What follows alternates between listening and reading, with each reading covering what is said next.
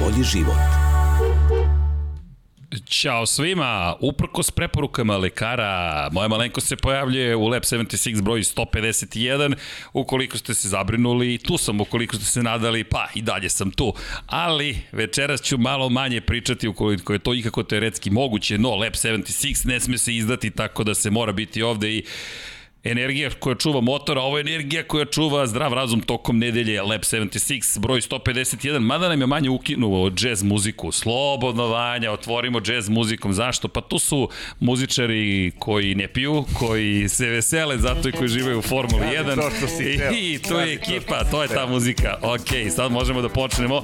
Gospodin Pavle Živković sa moje desne strane i naravno standardna posada kada reč o Formuli 1 sa moje leve strane, gospodin Dejan Potkonjak, autor inače knjige crveno i crno, pazi, uz muziku i ukoliko niste već posetili naš shop, toplom preporučujem da to učinite zašto. M ćete pročitati ovu divnu knjigu našeg prijatelja i kolegi Dejana Potkonjaka, M ćete moći da kupite još neke lepe stvari. Mi nemamo crni petak, kod nas je uvek zeleno, to jest uvek se trkamo, uvek imamo dozvolu za start, tako da shop.infinitylighthouse.com i možete da kupite između ostalog, Vanja, hoćemo da udarimo onu fotku, najnovije izdanje Infinity Lighthouse-a u štampi 15. decembra, tako da se nadamo da će stići do nas što je pre moguće, polovinom decembra počinjemo i da šaljemo, ali Valentino Rossi sve moje trke, svih bukvalno 432 trke, sve 432 trke su opisane, pa vi vidite šta je Matt Oxley učinio, a u našem izdanju, prevodu i tako dalje, kod Dekija nije bilo prevođenja, mada možda da izdamo englesko izdanje, o tome vredi razmišljati. U svakom slučaju,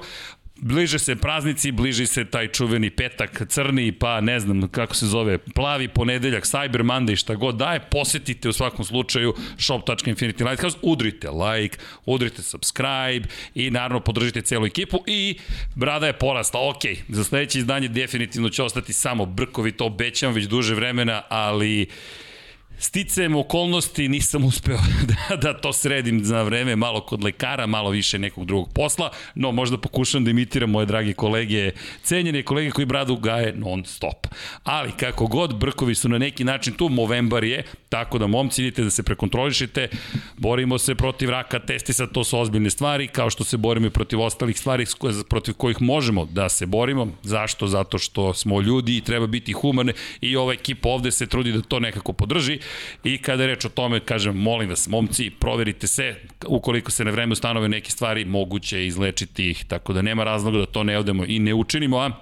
Kada govorimo o lepim stvarima, posebno pozdrav Borisu Trutinu direktno iz Katara gde se održala prvo istoriji trka Formula 1, stigle su nam poslastice, tako da potrudit ćemo se, Bogdan crtao poslastice pre nekog vremena, crtao je kaficu, O, baš- crtao je baš primamljivo rahat izgleda. lokum, pa momci hoćemo da se poslužujemo Pa, hoćemo, ili da- da kad, bude na da je- početku, da je- na kraju. Pa ne stidimo se, da, da nije se. Boris trudio Nije otvoren Uzeo, u da. celofanu je još uvek.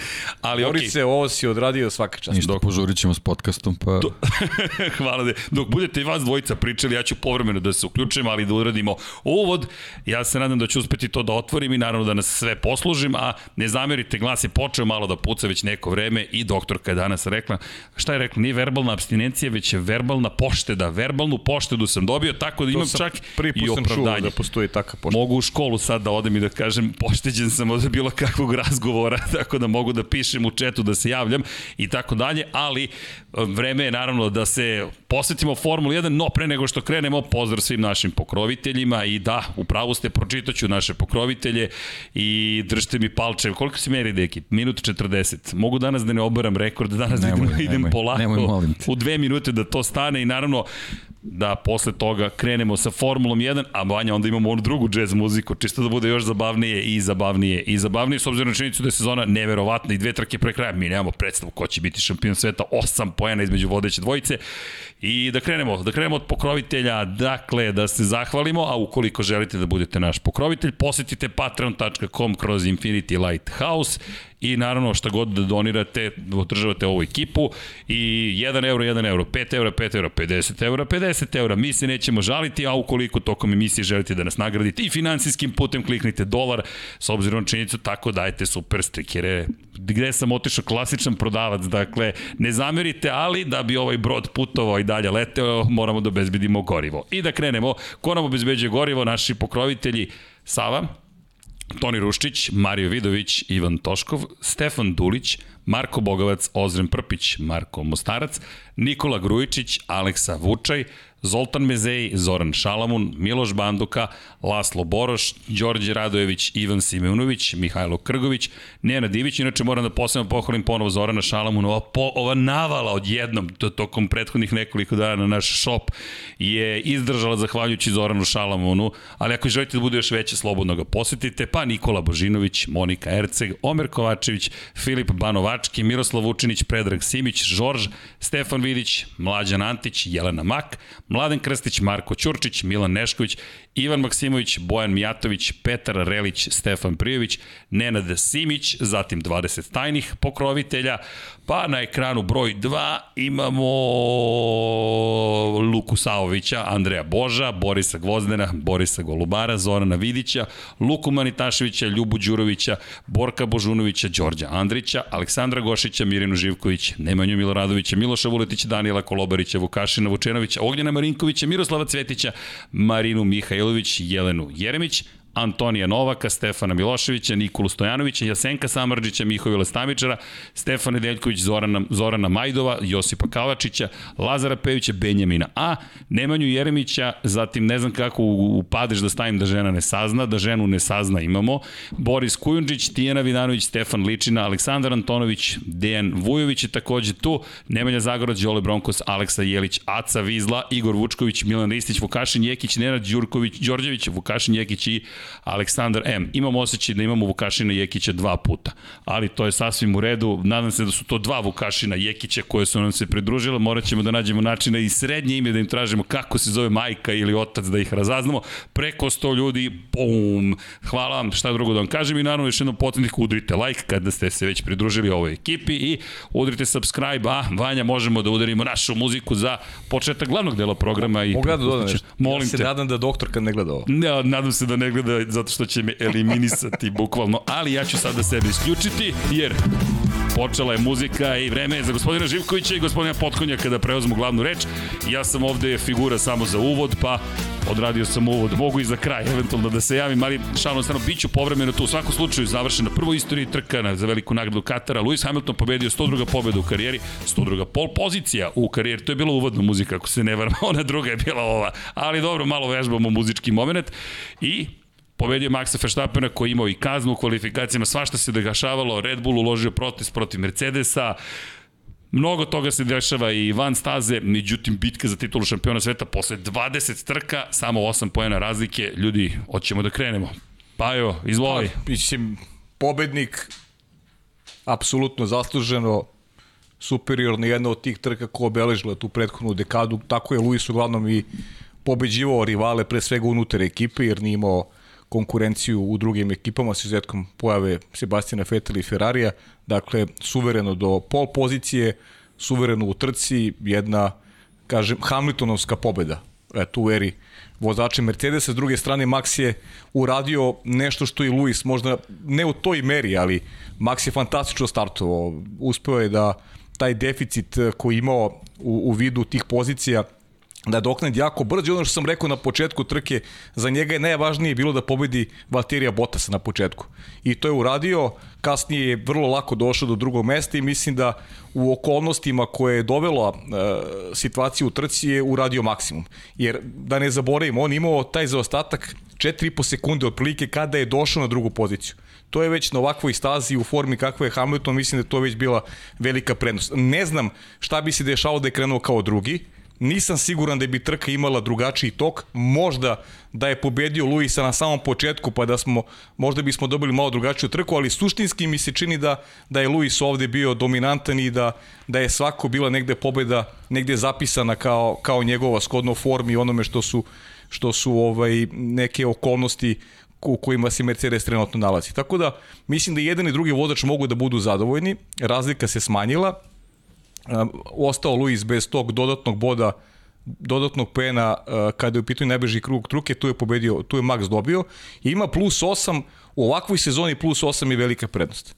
znamo šta je potrebno Luisu do kraja, da pobedi dva puta da bi, da bi, osta, da bi sigurno bio šampion, s druge strane Max ima prostora za više kalkulacija, Mercedes jeste u odličnoj formi, ali Deki Ostović tebi da kažeš nešto si pričao pre početka emisije vezano za, za narodnu trku, ali ajde se fokusiramo sada na ovo što smo gledali, ne znam kakav je, kakav je to utisak onoga što, što smo videli na prethodnoj trci. Pa da, generalno ovaj, ako pričamo o liderima u šampionatu i, i, i ishodu ove prošle trke, Lewisu Hamiltonu stvarno treba odati priznanje za, za izuzetno izdanje. Srđan to voli u Moto Grand Prix da nazove masterclass. Ovo je stvarno bilo blizu tome, e, blizu toga, ali ako, ako za samu trku možda ne možemo da kažemo da, da je tu bilo tih nekih nekih ovaj izuzetnih elemenata pre svega kao što si rekao zbog samog odvijanja čitave velike nagrade to stvarno možemo da kažemo za taj kvalifikacioni grup koji je bio izuzetan i tu se zaista videlo ovaj, da, da je forma takva da, da, da na samoj trci je bilo jako teško pronaći bilo koga da, da ga ugrozi posebno zbog tog rasporeda na, na, na samom startu. Eto ostaje samo ta nepoznanica da, da, da je Max možda ovaj, imao, imao drugo, drugu poziciju u prvom startnom redu, taj njegov zaista, zaista dobar start, možda bi, možda bi mu doneo nešto da eto pokušao prvi krivini dve, ne, ne, nešto da učini protiv, protiv Luisa, ali generalno mislim da, da je izdanje bilo takvo da, da tu stvarno niko nije imao šta da traži, znači eventualno neka, neka nepredviđena situacija, videli smo kakvi smo problemi imali sa ivičnjacima, ali to ćemo ostaviti ovaj za neku priču kasnije, ali generalno Luis nije imao nijednog trenutka razlog da rizikuje bilo šta, jednostavno ovaj kvalitet automobila je bio takav da, da, da verujem da u nekim trenucima nije morao ni, ni, ni pretrano da forsira, tako da ovo, ovo je stvarno jedna od njegovih ubedljivih pobjeda u karijeri. Kad se sve sabere, ne moramo uopšte gledamo ovo vremensku razliku, nego generalno ovaj, čitav njegov nastup i ta, ta, ta sigurnost koju je, koju je iskazao. Što se tiče Maksa, isto jednostavno, ovaj, kao i što oni kažu, ovo je, ovo je maksimalno smanjenje štete koje, koje je mogla, mogla da, se, da se desi, tako da, da mislim da su i oni, da su i oni tu zadovoljni, sad naravno prestoje pripreme za ove sledeće dve trke, o tome ćemo kasnije. Da, ili imate utisak da, da ekipa Mercedesa više očekuje baterija Bottas i one poruke Toto Wolfa ajde ubrzaj baš kao i na prethodnoj trci kao da da su da su negde i tu šampionsku borbu uh, vezali u dobroj meri za učinak Valterija Bottasa, on to ne isporučuje u, u, u poslednje vreme. Uh, ovaj start je bio zaista katastrofalan, ono je praktično ostao u mestu, kao, kao da mislim, ružno je reći nije bio zainteresovan, ali Valteriju se dešava da, pa, da upravo start. to, teško je sad, sad ono, eksplicitno ga kriviti za, ovu, za ovaj start, pre svega zato što su istoriji, njemu se to već dešavalo, yes. stvarno imao, imao je neke ne, neverovatne situacije za, za profesionalnog vozača da, da, da ovaj, tako, tako loše startuje i, i to se ponavlja s vremena na vreme, tako da ovo je ta još jedna situacija, ne, ne znam šta je razlog, šta je okidač da, da, da se kod, kod njega tako nešto desi, ali jednostavno on sebe bukvalno u prvi stotinu metara trke isključi iz, iz yes. daljeg takmičenja, a već je problem što što ekipi napravi pro, problem u smislu pravljena, pravljena nekih varijanti taktičkih i tako dalje, tako dalje, koji jednostavno on je on, jednostavno ih obriše bukvalno kako se svetlo ugas. Yes. Tako da to je taj glavni problem, ali on, znamo sad već njegovi status i tako dalje, tako dalje, to je sad već, već proširena priča i on je u principu prilično uradio od kad je ovaj, od kad je saznao da više nije u, u, u Mercedesu, ali jednostavno ovakve situacije zbog njegovog imidža generalno ne bi trebalo da se dešavaju. Pa ljudi u krajnjem slučaju zato jesu vozači broj 2 i Bottas i Pere, zato što nisu konstantni. I to je kraj priče. Kraj i početak priče. E, ja sam našao način da brbljem, evo me u četu. Ako čujete klik, klik, klik, klik, klik, i to, to, da. to se ja dopisujem, ali samo kratko i Ajde, moram malo da progovorim. A, naravno, pa no, Tri stvari. Hamiltonov krug u po, za pol poziciju, to ono što se istakao ljudi, ko, kakav god je Mercedes, neki raketni brod, ono je bio savršen krug, ono je blizu savršenstva. Uzmite, pogledajte, dostupanje na YouTube kanalu Formula 1, još jednom taj krug. Ovo je krug ravan, ravan krugu koji vozi u Top Gearu. o Lijani, ono, ili To je tako to, to beše je Lijana neka bila. A da, pa ona, ona je bio savršen. Ne može svako, ne može svako da upravlja raketom. Pa da, apsolutno, Ne apsolutno. može svako da upravlja raketom, tako da Pa, To je to. Bukvalno, i, i taj krug, i, i onog momenta kad smo, kad smo komentarisali, ti vidiš krug koji je blistav.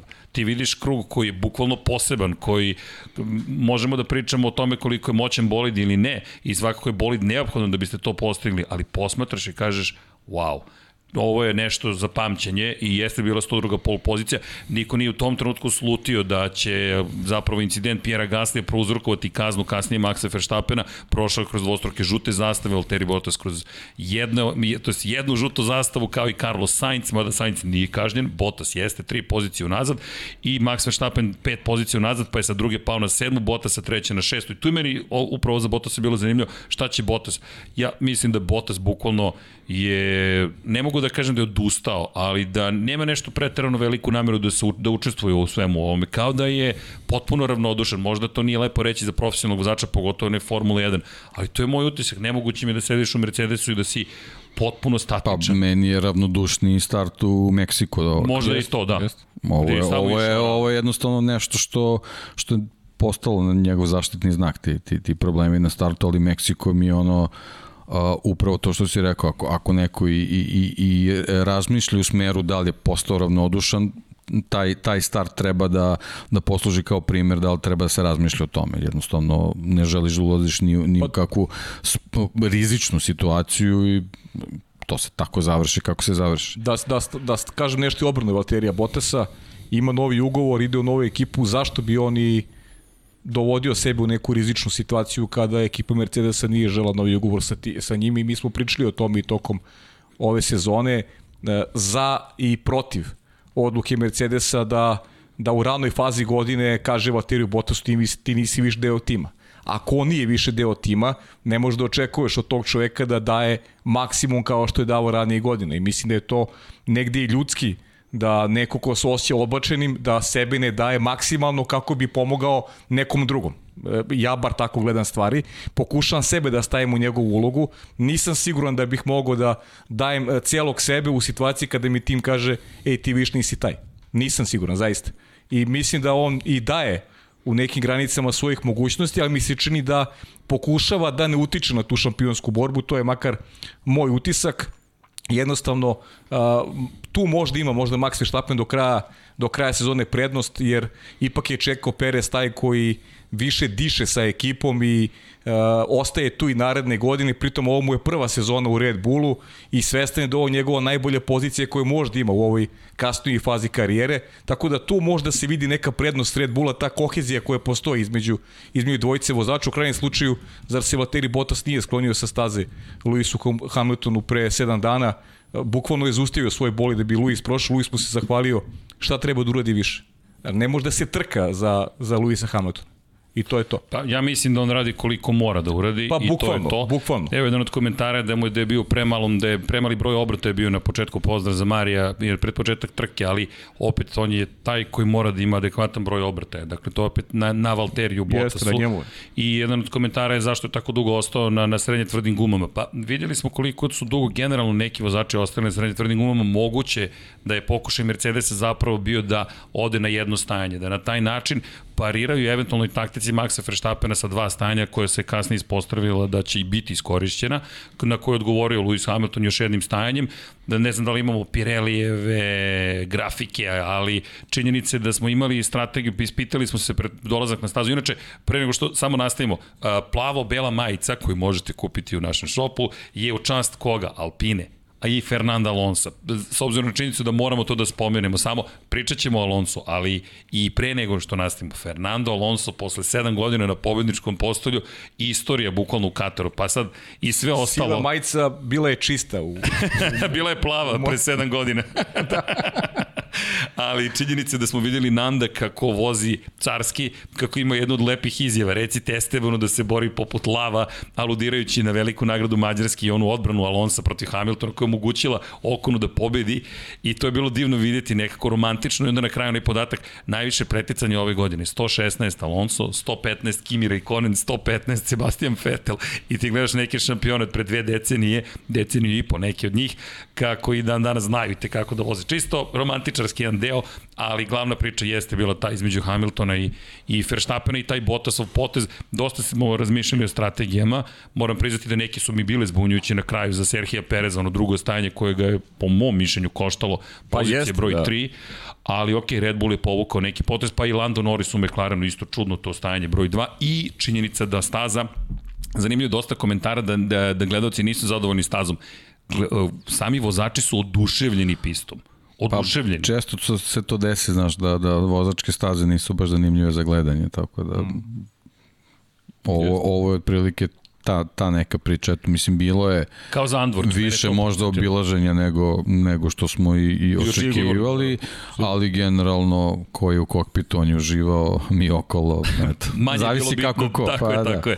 Ali, ali to smo videli i meni je bilo neverovatno, krivine 12, 13, 14, pun gas, pogotovo u kvalifikacijama, punim gasom, jedan od komentara vozača Moto Grand Prix, konkretno Marka Markeza, osmostrukog svetskog šampiona, bio je da je on šokiran kako prolaze kroz krivine koje su njima toliko zahtevne na, na, na motoru u Formuli 1 pun gas, kroz teme krivine, bum, bum, bum, kao u Turskoj kad imamo teme, tri teme na krivine. Pa eto, dobro je s vremena na vreme tako doći na, na staze koje se ovaj, koje se gađaju u oba šampionata, eto čisto da vidimo u stvari gde je razlika i, i kako, u kom smeru idu tehnologije u jednom i drugom sportu. Da, inače podsjetnik hvala F1 Laveru, ljubavnik ili uh, ljubitelj Formule 1, da, zaboravio sam ja, Norisu je pukla guma bila, da, to nije bila svesna odluka, hvala za podsjetnik.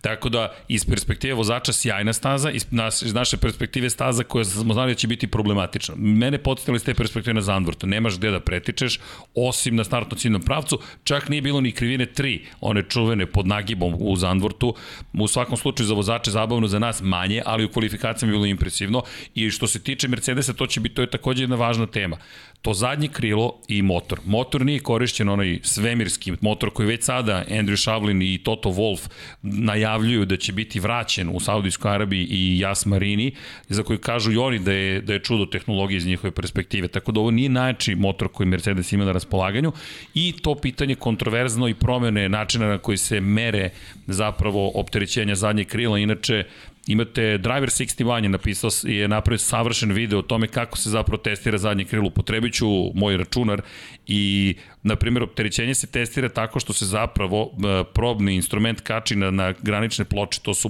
bočne ploče koje stoje dakle, očigledno sa strane i tu se kači instrument i vuče se praktično celo krilo. I ukoliko samo krilo može da izdrži opterećenje od 75 tona, smatra, to je da se ne savi više od dozvoljenog, smatra se da je legalno. Međutim, Red Bull smatra da srednji deo je specijalnom konstrukcijom ugljeničnih vlakana da se savija više nego što je dozvoljeno tokom same trke. E sad, to dokazati je na nivou nemogućeg. Ono što će FIA uraditi, verovatno na početku sledeće godine, Međunarodna automobilska federacija, je uvešći nove testove pitanje je da li mogu da uvedu nove testove do sledeće trke, ali videli smo i neke nove merne uređaje u garažama i Red Bulla i Mercedesa u pokušaju da se shvati kako je Mercedes toliko skočio. Ne, nije samo do Luisa Hamiltona, tim je napravio ogroman iskorak u Brazilu kroz motor, kroz podešavanja, ali nešto se dešava i sa aerodinamikom, samo što niko od nas ne zna šta Znaš kako, generalno smo i pričali kad je krenula letnja pauza da ne postoji šansa da će Mercedesu da da spavaju i da, da, da dozvole da se situacija razvija kako se razvija, tako da to je, to je očigledno ovaj, rezultat toga.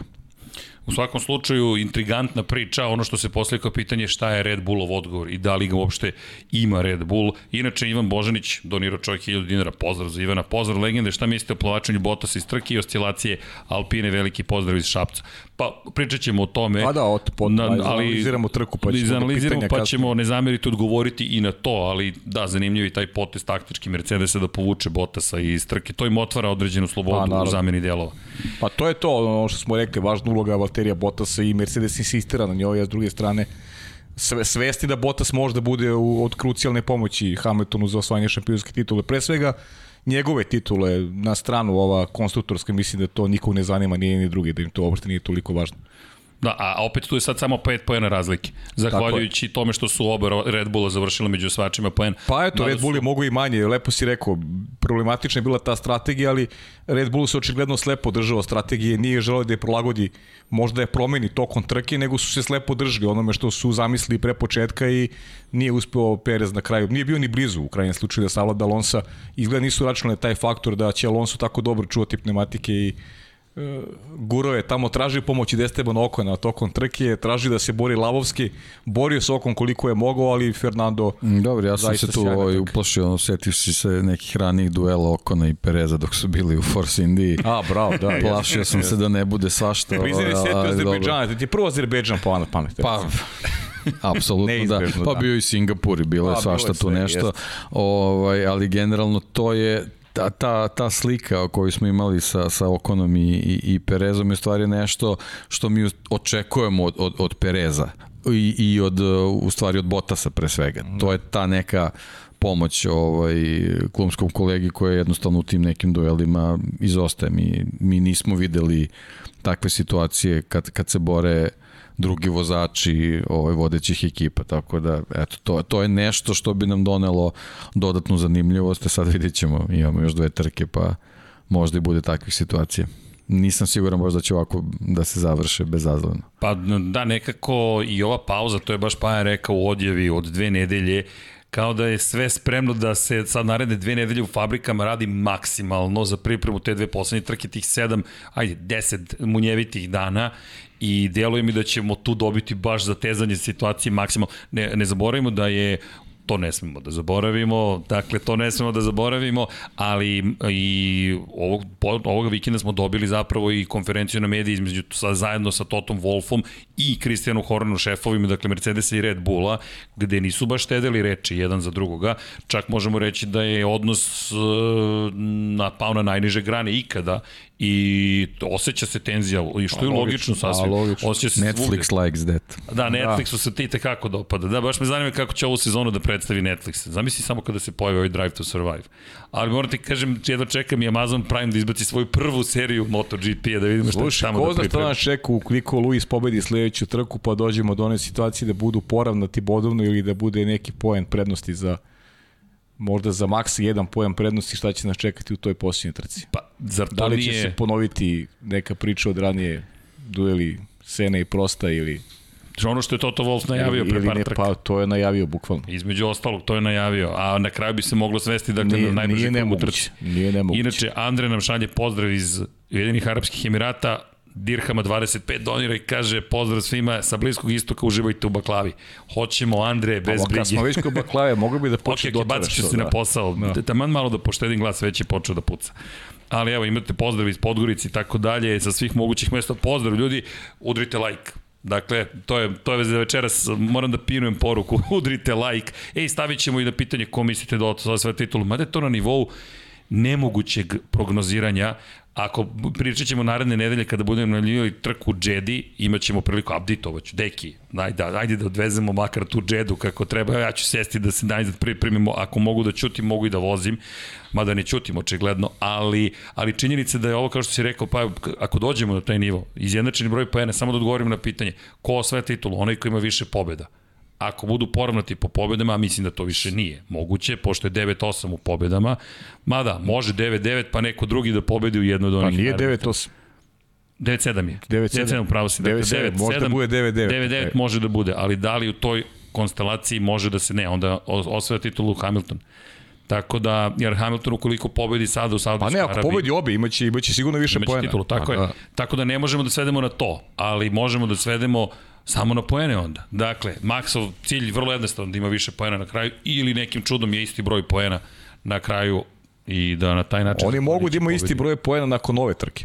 Nakon pa pazi, teoretski, teoretski mogu, i... mogu da imaju da isti broj poena i da uđu u posljednju trku s istim brojem bodova, ali bi tada imao prednost uh, Max zbog uh, više pobjeda. Da, ali, ako, ali onda se svodi bukvalno to ko će završiti ko će, ispred na kojoj naskar, trci. Imamo naskar, naskar završnicu. Da. Ko fizički bude Dakle, ako Hamilton drugo, pobedi u Saudijskoj Arabiji i zabeleži najbrži krug trke, a Max Verstappen bude drugi, oni su izjednačeni. Pa da. 26 poena za pobedu i najbrži krug, 18 poena za drugo mesto. Jeste. Zamisli poslednju trku i ko je ispred na kraju te trke osvaja titulu.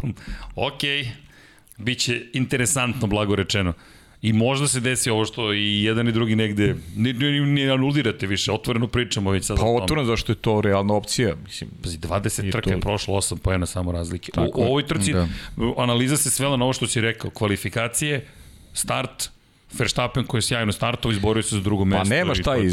Luis je vozio onu, njegovu trku u Mercedesu.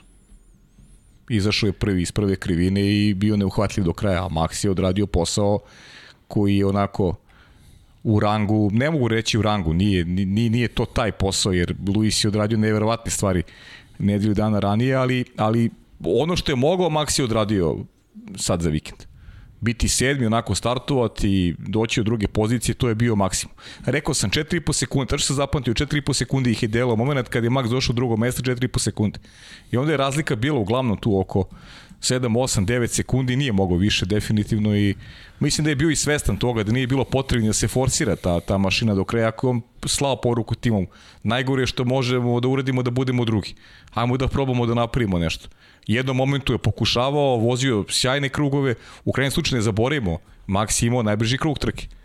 Tako da možda bi percepcija priče bila drugačija da je startovao kao drugo pasirano. To nikad nećemo znati i ne možemo time da se bavimo. Tako je. Odradili su maksimalan posao i ono što mene oduševljava ako Max sa cele ove sezone je upravo taj moment da je on uvek bio na maksimali kada je bilo važno. Kad god je trebao da pobedi, on je pobedio. A doće ponovo sad, u poslije, jedno od dve trke su za njega kritično do kraja sezone. U jednoj mora da pobedi. E, vidjet ćemo da li će uh, od, uh, pratiti trend koji postoji od početka sezone. Da taj moment kada treba, on napravi taj iskorak i pobedi.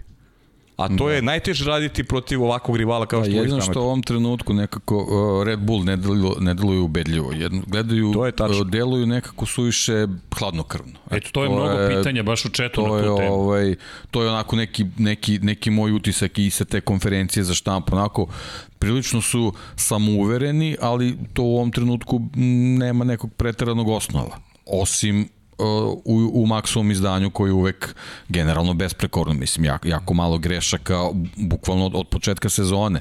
Ovaj, e sad, ovo, ovo samo izdanje ovaj, njihovih bolida, to je nešto što mi onako, ne, ne mogu da kažem da sad treba da bude zabrinjavajuće za ljude koji navijaju za njega, nego jednostavno mi nekako deluje neubedljivo sve. E sad, da li oni nešto ovaj, znaju što mi ne znamo, da li su Moguće. oni nešto spremili, ali ljudi, A, glavni problem je što nam dolazi staza koji je ozbiljna nepoznanica za sve. Principu ne znamo da li će biti gotova na vreme. To je osnovna ključna stvar. to je prvo pitanje. Kakav da. će taj asfalt biti? Hoćemo Tursku imati iz prošle godine ponovo, kako se Pa dobro, da kiša teško. Neće kiša, ali, ali, ali, ali bitumen kako ali curi iz bitumen, asfalta. to, to stvarno može da, da, da bude ozbiljan problem. Mislim, to nije, nije prvo ni, ni, ni, ni mala ovaj, količina asfalta. Oni su negde, nemam pojma, 37.000 tona asfalta je spremno za to. Mislim, to je ovaj ogromna količina koja treba da, da se iskontroliše, da se uradi po nekim standardima, š, tako kako beše preko 6 km je krug. Mislim, uh, ozbiljne stvari tehničke trebaju da, da se pripreme tu da bi da bi to sve funkcionisalo kako treba tako da e, e, ima i, i, i bitnijih možda parametara od same, od same standardne pripreme za trku. Da, evo, jedna od poruka, braćo, staza je završena. Pa, Otkrivene su najnovije fotografije, ali ima tu još posla. To samo izgleda kao da je završeno, verujte, tu ima još puno posla. No, ajmo da krenemo od prve stvari. Da li će biti završena? Ne znamo. Nadamo se, deluje da su mnogo napredovali poslednjih 10 dana, pa držimo palče. Drugo, ovo što je Deki rekao, ljudi, to je mnogo dugačka staza. No, ubedljivo najbrža ulična pista koju ćemo imati. U teoriji to odgovara Mercedesu. Zatim, sjajna analiza TheRace.com je uradio gde se ispostavilo da, na primjer, merili su to u procentima za ostatak procentovni, to je prednost Red Bull, odnosno na sve osim Mercedesa je bila 0.4,2 od 100, a Mercedesa je bila 0,39 od 100 odnosno na ostatak sveta. Od Brazila prednost je preko jednog postotka za jednog procentnog poena za Mercedes. Međutim, to je duplo veća prednost. Dakle, kada posmetamo procente, to je 100 od 100 pojačanje tempa u odnosu na ono što su imali kao prednost ranije, a Red Bull je popustio u odnosu na ostale timove. Tako da nije ovo samo do Mercedesa. Kada se priča o toj razlici, ovo nije isti Red Bull koji smo imali na početku godine. Ljudi, ovo je Red Bull koji je sporiji i sad pretpostavka je zato što ovo korišćen motor. Kod Luisa Hamiltona biće gotovo potpuno svež motor u pitanju.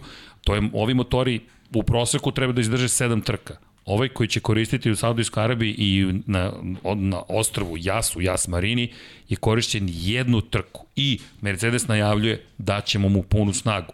Dakle, teorija kaže u Saudijskoj Arabiji da su favorit. Jedan od komentara zašto ne kažemo da je Hamilton favorit. Naslov bukvalno glasi Hamilton u šampionskom naletu. Ljudi, ne možemo više od toga da kažemo.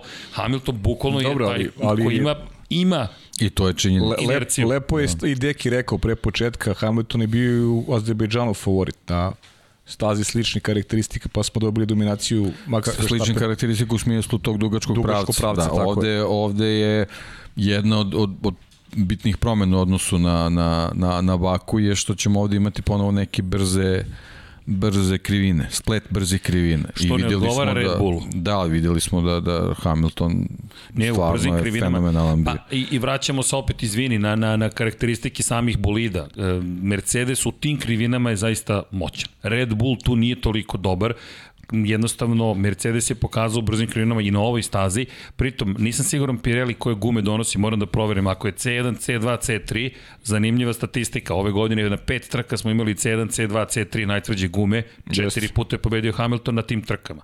Tako da ta kombinacija guma sa brzim krivinama deluje da odgovara Mercedesu 1 na 1. Dobro, ali kao što smo rekli, Mercedes neće spavati, neće ni Red Bull da spava. I, Red, i Mercedes je delovao kao poražena ekipa. Posle Amerike posle, i Meksika. Posle Amerike i Meksika, Meksika mislili smo da je, da je verovatno kraj. Ja sam ovde rekao da mi je žao što je Luis izgubio, jer, jer smo izgubili draž šampionatu. Ali evo šta se dogodilo, dva vezana triumfa na stazi kod govarala Red Bullu. Tako da ova sezona je puna tih turbulencija. Kad god nešto pomislimo, Evo, sada se, sada je nastao preokret. Da, kao da ne postoje pravila. Da, nema pravila, da. nema pravila. Staze koje odgovara Red Bullu, a priori ne donose prednost autrijskom timu, s druge strane, uspeo je Red Bull da pobedi neki stazama koji više odgovara Mercedesu i zaista je teško baviti se prognozama ove posljednje dve trke. Slaže se s tobom, Deki, da, da, da Red Bull nema nekog realnog pokrića za takav optimizam, ali ali si isto tako siguran da, pa, da mi nismo rekao, ne, ti koji ne znamo ni, sve šta se dešava. Ne, ne, ne deluju ni optimistički, nego jednostavno niti su zabrinuti. Tako niti, je. Tako ono kao, ok, mi imamo neki plan. Imamo plan, guramo tako, po svom tako planu. Deluju, nisu, nisu deluju, tako. čak ni to rekli, ali jednostavno ne znam, mislim, nije, nije takva situacija da, da, da sad možeš da kažeš da jeste tih 8 bodova velika prednost, ali nije takva situacija da ti sad možeš baš da budeš potpuno opušten. Evo samo dodatna informacija. C2, C3, C4 za Saudijsku Arabiju, Arabiju i C3, C4, C5 za Abu Dhabi. A, dobro. Dobro. Da vidimo Portugal. Odstupa malo od, Španiji. od principa Mercedesu. C1, 2, 3, Velika Britanija C1, 2, 3, Holandiji jedini put kada nije pobedio Hamilton na C1, C2, C3 i Japan je trebalo da bude, ali to je zamenio Katar, tako da su to trke na kojima je Mercedes bio najbolji. I evo, dakle, C2, C3, C4. Tako da ima mnogo detalja i Toto Wolff je isto ovo rekao što si ti pa rekao. Ljudi, svaki put kada bismo rekli ovo je naša staza, mi bismo izgubili. Svaki put kada bi ne rekao, neko rekao ovo je Red Bullova staza, oni bi izgubili ko zna. Ja samo znam da je ovo nevjerojatna sezona i dan Pa da, ali to su možda neka, neka saznanja iz ranijih sezona dok, dok nismo imali jak Red Bull. Ovo je, ovo je potpuno drugačija godina što se njih tiče, tako da, da verovatno ni, ni te ovaj, prognoze više ne piju vodu, a to su oni bolje uverili od nas. I još jedna stvar, a to je to pitanje, da li će Red Bull promeniti pa, motor? Pa to se baš to kažem, da. to je, to je, ne znamo šta planira Red Bull. Znaš, ako promeni, bude drugi u kvalifikacijama, imaće isti start kao i sada. To je pet pozicija po meranju nazad. Oni su bukvalno, da nije bilo kazne, mogli da promene motor sad na ovoj trci i imali bi istu startnu poziciju.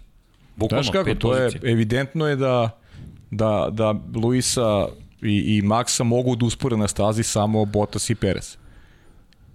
Ovo ostalo, to oni s lakoćom pobeđuju s pomoć DRS-a, razlika je ogromna i i mislim da ćemo do kraja sezone i gledati. Da, u stvari njihovu, njihovu opuštenost posle zamena određene komponenti i, i kazni uslovljavaju njihovi drugi vozači. Pa bukvalno. Sa, samo ostali, to. ostali bukvalno nisu ne bili. utiču uopšte, da. apsolutno nema uticaja nikakvog na, tako da mogu sebi da dozvole, pa može sebi u krajnjem slučaju Mercedes da dozvoli da još jednom promeni motor s unutrašnjeg sagorevanja, bez ikakvih problema, mogu to da urade. Pa pazi, Bez kako izgledaju, mogu da urade. mogu, ne, deluje da nema potrebe. Pa dobro ali, deluje, ali, ali suštinski mogu sebi da priušte tako nešto.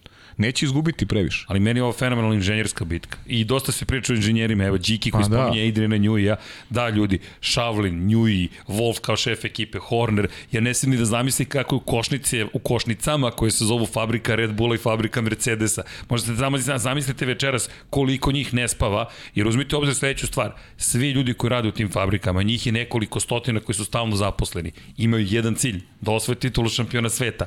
I ako možete da nađete jedan deo de- aerodinamike, po, po maziva, goriva, ulja, partnere, ja verujem da svi da, zovu svoje pa to je- partnere i govore nađi mi nešto, šta da ti nađem? To su te poruke kao 0,5, naš 0,5%. Mercedes je nešto radio. Pa okej, naravno, zato jeste svetsko prvenstvo zato što svetsko prvenstvo inženjera i vozača i e, sve ide u kompletu i potpuno je logično, ali treba upravljati time i kad napraviš neko poboljšanje treba neko da sedni da to zna da vozi i da te dovede do, do titule, tako da to Pa je... vidi, videlo se koliko se njih dvojica izdvajaju. Pa oni su, Izvini, oni Pavle, su, ono- pa oni su ne, oni su srce i duša o, o, ove sezone i to je zato jeste e, ova godina jedna najlepša istorija. Ja to ponavljam, ne mogu da znam šta se dešavalo pre nego što smo ih pratili, ali eto u ovoj našoj eri da kažem koliko pamtimo, ja se ne sjećam da je jedna sezona bila ovako dramatična, zaista.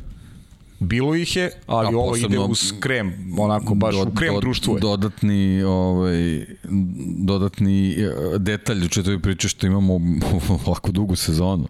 Jeste. A to, da, 20 trka je gotovo, a mi dve. baš. 20 trka gde ti imaš ono dva vozača na 50-50, da Ma, kažem na- sam na- na šansa, manje sad da ne, ne usmeravam na jednu stranu ili drugu, ali, ali generalno koje mogu na početku sezoni da pretpostavlja će ovako biti. Pa ko je mogao da pretpostavi? Lab 76. Ali mi uvek najavimo da će biti neizvesna. A, dobro, jeste. Neko mi je zamerio, Pričali rekao si da će trka biti neizvesna a u kvalifikacijama. Pa Da, pa uvek ću to da kažem, Pa što verujem da će biti, ali da, bilo je, neizvesni su, bilo je neizvesno na drugi način, prava Formula 1, ljudi. Pa kada neizvesno je, pogledate čim, čim strategiju- jedan kandidat za titulu startuje kao sedmi, znači da je to u startu nešto što je neizvesno. Znaš, ne znaš kako će on izađe iz te, iz te pozicije. Luis koji startuje nedelju dana ranije u sprint trci sa posljednje pozicije, pa kreće u trci sa desetog mesta. E, Nikad ne znaš da li može se namesti moment Norris Sainz, recimo. Znaš, treba u toj gužvi, treba naći pravu putanju, izaći neokrnjen iz, iz cele priče. E, Nekad je, prosto nemaš dovoljno sportske sreće u nekim momentima. Tako da će možda i ona igrati ulogu u ove preostale dve trke. Ko zna kako će se rasplete sve ovo. Pa evo jedna od stvari je teorija zavere je Bottas će nešto da uradi. Videli smo da za Bottas za sada nema nameru ništa da uradi. Bukvalno u svakom smislu te reči. Više igra za Red Bull time što ništa ne igra nego bilo šta drugo, ali ako Bottas, pazite sad ovo, ako uzmemo tu teoriju da će Bottas da izbaci Verstappena, i to uradi namerno. Dakle, bizaran je svet Formula 1, ja i dalje ne verujem to, ali deki, gledam kad tebi zbog, zbog čuvenog Singapura 2008. A ja, i ja, tragedije. srđan, ja, ja u to verujem Ali- zato što se te stvari prosto dešavaju i ja nemam problem sa tim, da, da, znam ali- da se dešavaju i ali- nemam problem o tome da ali pričam pazi, uopšte. ako je to šahovska tabla, ok, Bottas izbaci Verstappena, onda Perez izbaci Hamiltona i, i dalje je Verstappen šampion. Pa da. Mislim, tako Pa da... znam, ali to može jedan da se dogodi na startu trke, jer, znaš, teško je da Perez ustigne Pa dobro, može i da, da pretekne za ceo krug. Mada, najluđa teorija zavere koju sam čuo do sada, moram da je podelim sa vama, nije moja, je sledeća. Završava se trka u Jas Marini, u Abu Dhabiju, Hamilton ide ka osmoj tituli. Za ceo krug sustiže Mika Šumahera, koji ga potom izbacuje sa staze da ne bi dozvolio da njegovog oca pretekne po broju titula. Dakle, to je najbizarnija stvar koju sam čuo. Rekao, ok, sad sam zaista čuo sve, zatvorite internet, vreme je da idemo kući. Ne, neće se to desiti, pogotovo ne Mik Schumacher, tako da verujem da toga neće biti na taj način. Da li će biti vrlo agresivnih vožnji? Hoće, to smo već videli, ali Pavle, ako zaista bilo kod njih dvojica tu uradi riziku je ono što je doživio Nelson kako, ne, Piquet. ne, ne, mogu, Piquet ne mogu da budem ovaj, takav, ro, takav romantik, deki neko prati i svašta kad je automoto sport u pitanju i vrlo dobro znaš kako se pravi i strategije kad postoje timske kolege, tako da to nije ništa što je izmišljeno 2021. godine. To postoji od kad je trkanja, od kad je sveta i, znaš, ono, to je nešto što je normalno za automotosport. E sad, to što priča to Wolf, to opet nije, nije slučajno, što navodi da bi tako, da bi sezona mogla da bi tako epilog. Šta, ali, Ništa nije slučajno. Ali to je, to smo i tad rekli, to je planski saopšten komentar. A naravno. Ako dođemo a, do ovoga, čak i ukoliko se nešto slučajno desi, Toto Wolf uvijek može da kaže šta sam vam rekao. Pa, da. Najavio da. sam da će se ovo desiti. Ali Toto Wolf samo pokazuje koliko inteligentan i koliko razmišlja Pa dobro, naravno, to su, to su to stvari automotosportu. Ali logično. generalno takve godine, mislim, imamo gomilu šampionata koji su se na sličan način ovaj, rešavali, zašto sam stvarno ne vidim razlog da tako, tako ne bude u Formuli 1 i, i u Moto Grand Prix i u nižim kategorijama, bukvalno u, u, maltene do poslednje, do poslednje trke. Evo sad smo imali završnicu na VRC-u, posle drugog dana pola sekunde je bila razlika između Elfina Evansa i Seba Ožije. Pola sekunde, posle dva dana vožnje. Mislim, o Naskaru ste pričali. Uh, Superbike smo čekali poslednju trku sezone da dobijemo Jao. šampiona. Jao, A, da. Sutra ćemo. Jao. da. Tako da, ne, ne, mislim, jednostavno od Formule 1 je super što smo dobili da, da u godini kad je stvarno mnogo, mnogo ovaj, sportova u, u, u ovoj našoj priči interesantno i zanimljivo do kraja, da i Formula 1 bude, da ne bude da stalno da, da nose taj, tu etiketu kako je dosadno i tako dalje, tako dalje. Tako da ovo ovo je super priča i sva ta scenarija i ovako i onaka, meni je to o, fenomenalno, priča, zato što dugo, dugo nismo pričali o Formuli 1 na taj način, tako, tako da super je to. Pa ne, ako se samo vratimo u prethodnu godinu, potpune dominacije Mercedesa i Luisa Hamiltona ili u godinu pre potpune dominacije Mercedesa i Luisa Hamiltona ili godinu pre kada je donekle trajala bitka ili godinu pre kada je donekle trajala bitka, pa moramo se vratimo pet godina nazad do Nika Rosberga i bitke za titul. Pa samo Niko Rosberg, samo je ta bitka trajala do kraja. Da, u hibridnoj eri samo ta. Samo je ta bitka trajala do kraja. Još smo imali te godine, beše dupli bodovi na kraju sezone, ili, ili to, to ta godina bilo? Jeste. A dupli, jeste, dupli, dupli poeni na kraju Dupli poeni su u sezonu, uh, prva sezona hibridne ere. Ili tako beše? Da, pa je Hamilton bio ugrožen zato što je Rosberg zaostajao tipa Da, mogo je, mogo je sa povedom, da. Teoretski mogu da mu preotme da. titulu, pa su od toga odustali. Da, su bili neke, eto, svašta se izmišljali. Neslavna sezona. Izmišljali da. se čak i dupli poeni da se napravi nešto Čekaj, interesantno. Čekaj, se sećate kvalifikacije onih bizarnih, kada ističe vreme za početak kruga? I kada ne možeš, to smo jednom samo imali, Bernie Eccleston je rekao, ok, ukinite ovo istog sekunda, ali sve ok. U svakom slučaju, bitka se nastavlja, ljudi, da, ovo je trka, moje mišljenje da ova trka bila kao jedna od onih epizoda koje morate odraditi. Znaš, Netflix, na primjer, ima obično 10 epizoda u jednoj sezoni i negde sedma je najdosadnija, osma je najdosadnija, jer znaš da moraš da sačekaš devetu i desetu. E sad smo došli do 21. i druge, sad više nema povlačenja. Sad direktan duel, jer ovde Verstappen verujem da je morao da se štedi, što je više moguće, pogotovo posle kazne, da izvuče što kažeš maksimum. Hamilton je morao da pobedi, to slučaj. Svi su svoje uloge odradili. I jedino Fernando Alonso koji stupio iz scenarija i rekao čekajte malo svetla reflektora pa dobro, iskoristio je lepo šansu i, i Bottas opucanje pneumatika i i taktika Red Bulla, dakle prosto se, ali mora ti se namestiti pa u ovakvoj dominaciji, tako, ovakvoj dominaciji Red Bulla i Mercedesa prosto mora da iskoristi šansu koja se ukazuje. Pa dobro, generalno, mislim, svi ovi bolidi, oni su konstruisani da, da pruže najbolje performanse kad nisu gomili. I, i svako od njih kad iskoči na, na, na neku dobru startnu poziciju, osim Alfa Taurija, oni koriste šansu. Da. Tako da ovaj, ovo je nekako bilo očekivao sam da, da, da će Alonso da, da bude dobro plasiran sad da li treće mesto ne znam, znao sam da, da, da je nezgodno da, da može i više od toga, ali generalno jako prijatno iznenađenje i ono, više, više prijatno iznenađenje zbog, zbog ovaj, izdanja same, same Alpine nego, nego vožnje Fernanda Alonso, već nam je pokazao da je, da je stvarno naoštren da, da do, do, do poslednjeg trenutka u Formuli 1 vozi na svom šampionskom nivou, tako da što se njega tiče nekako ono nije iznenadio jednostavno to je to je pravi Fernando Alonso. Ali mnogo je lepo bilo videti ga i onako nasmejanog i čuti ga i prosto sa njim obeležiti te trenutke, dosta dugo ga nismo ni videli u kadru. Pričali smo mnogo o tome kada, je, i, kada su izrečene kazne, što Valteriju Bottasu, što Maxu Verstappenu, izvini neki da ne oborim mm. ovaj Lego tehnik, i bili smo svi nekako usmereni u oči i sam je rekao sa trećeg mesta, bio sam ubeđen na making gumom da vodim u prvoj krivini, to je njegova izjava bila bukvalno toliko samopouzdanja i u Alpinu, u Renu, u sebe, u celu ekipu, baš je bilo lepo videti. Meni je bilo zadovoljstvo što imamo taj jedan romantičarski moment. Prosto i to nam je neophodno. Imali smo ove godine pobedu Daniela Ricarda, imali smo pobedu Estebana Okona, imali smo Pjera Gasly na pobedničkom postu, imali smo pobeda Serhija Pereza, tako neki lepi momenti koji Lando Norris koji je sjajno počeo s plasmanima na pobednička postolja, momenti koji, koji te razvesele. Čekamo Ferrari. Tako je, čekamo Ferrari u pobedu, pa eto, ko zna, možda nešto urade, mada, mada pohvale ljudi za Ferrari, načine koji čini mi se slažu kockice za narednu godinu, deluje vrlo ozbiljno, zaista deluje ozbiljno. Pa vidjet ćemo, vidjet ćemo. Skeptičan si. Pa jes, jes, iskreno. Iskreno jes. Misliš da ovo nije dovoljno još? Pa mislim, mislim da, pa vidi se da nije. Ali pazi, sledeće Vidi se da nije, nije dovoljno za ono što, pa dobro, okej, okay, mislim, rade svakako, ali ne znam koji su, Znaš- koji su dometi. Znaš zašto ja mislim da, da će biti opasni?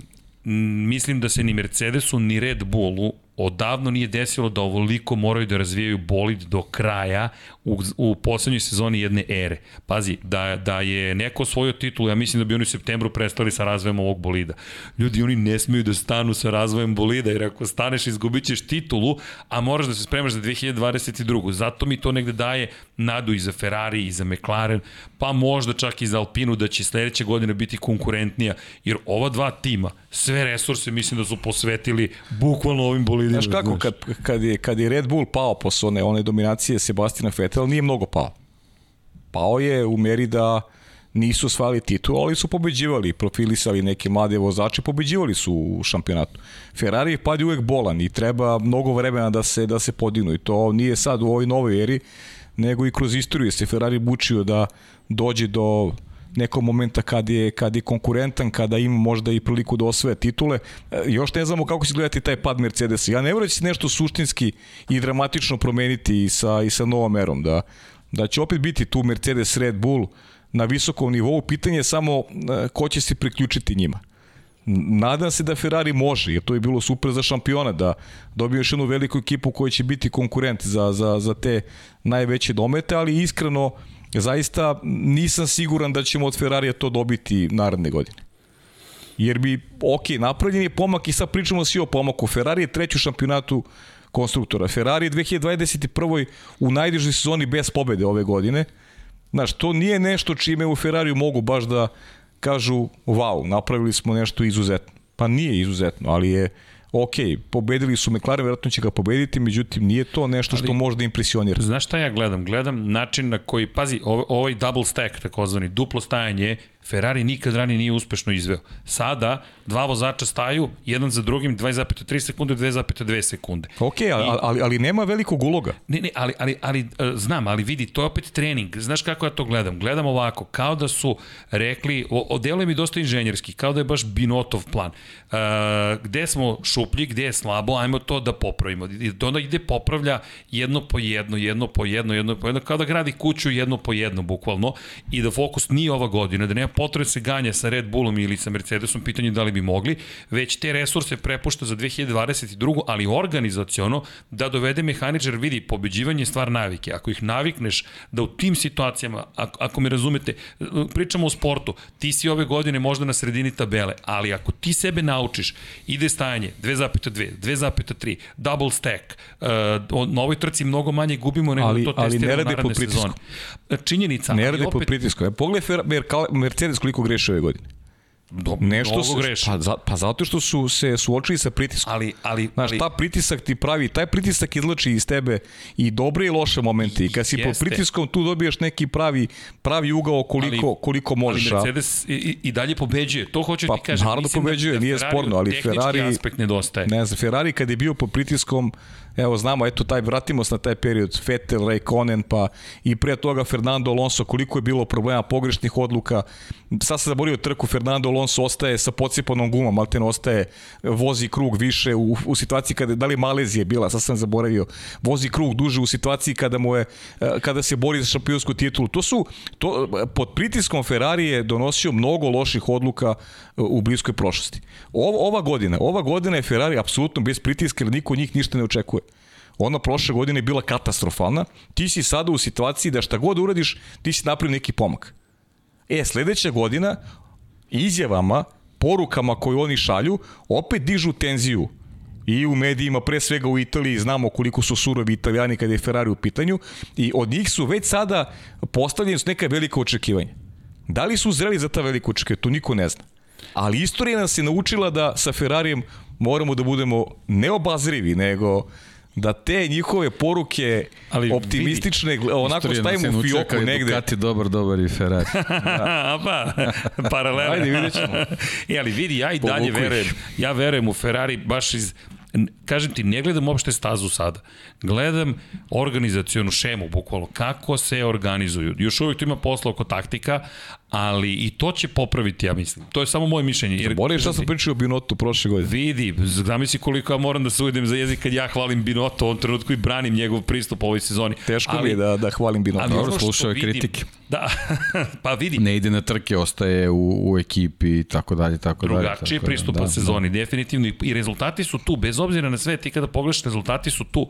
Ti kada pogledaš, jednostavno, to je čovek koji je doveo Ferrari do toga da stalno završava među osvajačima poena. Da, meta nije titula šampiona sveta, ali opet, pazi, pogledaj ovo, oni konstantno, kad je poslednji put bilo da Ferrari nije osvojio poene, dva, u Rusiji da nisu oba bolida bila među osvajačima poena, pre toga u Mađarskoj, pre toga jedini put da nije ni jedan osvojio poena u Francuskoj. I to je jedina trka da nisu osvojili poen ove godine. Ni jedan ni drugi nije startao trku u Monaku. Charles Leclerc mogao da bude prvi, treći, mogao da bude Sainz.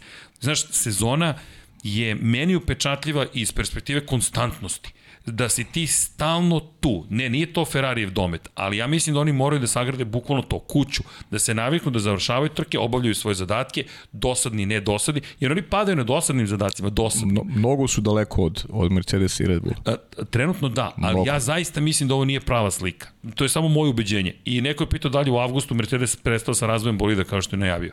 Ne, ne, to mi je kao Hamilton kada poruči slabe su mi gume, to je šifrovano poruka, gume su u savršenom stanju, vozim još pet krugova najbržih.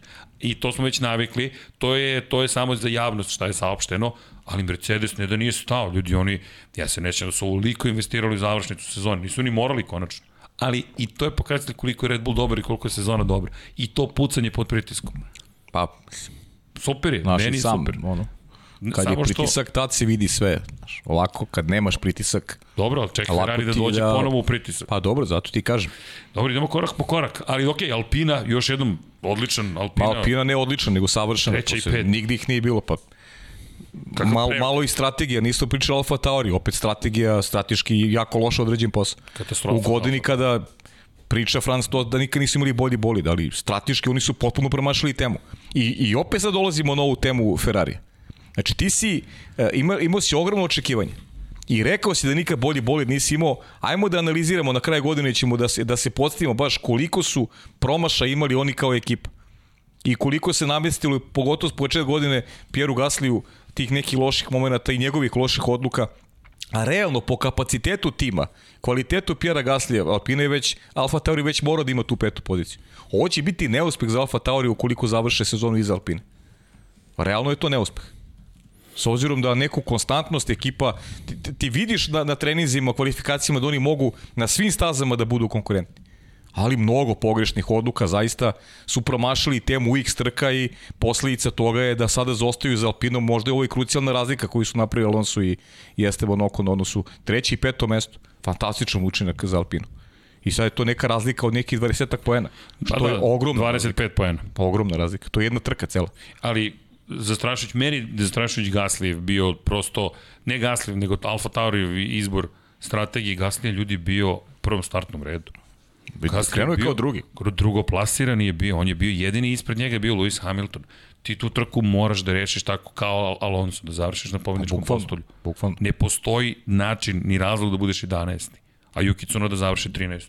I ne osvojiš niti jedan jedini point. Ništa a baš pričamo o ulogu da Tost sanja tu petu poziciju i ti povučeš baš loš potez. I neverovatno mi je da, inače poruka, neko je pitao za poruku Pjeru Gasli, nemoj da se boriš protiv Maksa, pusti ga, pa iskreno ljudi, pa ne vidim ni šta drugo može da se očekuje u tom momentu. Pa dobro, to je opet jedna od selektovnih poruka, mislim, oni imaju neki svoj, svoj tempo i jednostavno nije, nije u, u, u, u tom trenutku o, Maksov nastup bitan za nastup Pjera Gasli. Mislim da je ta poruka bila u tom kontekstu. Znači jednostavno imaš svoje krugove koje moraš da voziš. Sad, naravno, diskutabilno je da, Pa dobro, to da li je to dobra strategija da. ili nije, ali generalno nije, nije ta poruka bila u kontekstu da on treba da pusti Maksa zbog Maksove borbe, nego jednostavno da, da, da pusti Maksa da bi, da bi pokušao da izveze svoju neku strategiju ovaj, da ne troši gume ili, ili nešto slično. Mislim da je, da je u, na to bila usmerena, a u, ali u trenutku kad je puštena u etar baš je dobro zvučala. Tako da mislim da je, da je više scenario, režija. pa da, mislim da je više režija nego, nego neka, neka prava ideja. U svakom slučaju Alfa Tauri mu u sebe doveo jednu ozbiljnu situaciju. Pitanje je da li će se izvući iz ovoga. McLaren, s druge strane, McLaren ponovo ima pehove. Dakle, Norrisu jeste stradao pneumatik, s druge strane, software je bio problem kod Daniela Ricardo, to smo kasnije saznali. Zapravo da elektronika potpuno pogrešno slala informacije i motor je bio skoro, zapravo bolid je ukupno bio skoro 2 sekunde po krugu sporiji nego što je trebalo, tako da opet imamo probleme na nivou tehničkih, tehničkih elemenata kod McLarena. I to se ponavlja sada već iz trke u trku, što opet dovodi do pitanja konkretno kod Ricarda ko je odgovoran za to, to je kako je do toga došlo, ne, ne, ne tražim krivca, samo McLaren još ima tu posla i gubi polako li sigurno, ako već nije izgubio Pa, bitku, skoro moguće da je već 40, izgubio. pa 39,5 poena za ostatka to je- to za, za. Ferrari. A dve trke pre kraja. Baš bi morali da odvezu savršeno i Ferrari da budu ozbiljnim problemima da bi se vratili na poziciju broj 3 i Norris pa to je peh, to je jednostavno vožnja ovom stazom. U koja je kakvoj su formi. Red Bull i Mercedes, mislim da Ferrari mora da ne završava trke, a da, da McLaren dolazi do tih nekih pozicija visokih četvrto, peto mesto. Tako da, u suprotnom, to je to. Okej, Promašio sam temu, mislio da će McLaren bude treći, ali Pa dobro, vidi, pa evo, i meni je posle Rusije delovalo, jedna, jedna od kritika mi je upućena da sam rekao da će McLaren sigurno igrati važnu ulogu posle Rusije. Da me vratite sada na trku u Sočiju i posle te trke da dam komentar, ja bih rekao McLaren će sigurno igrati ozbiljnu ulogu posle ove trke.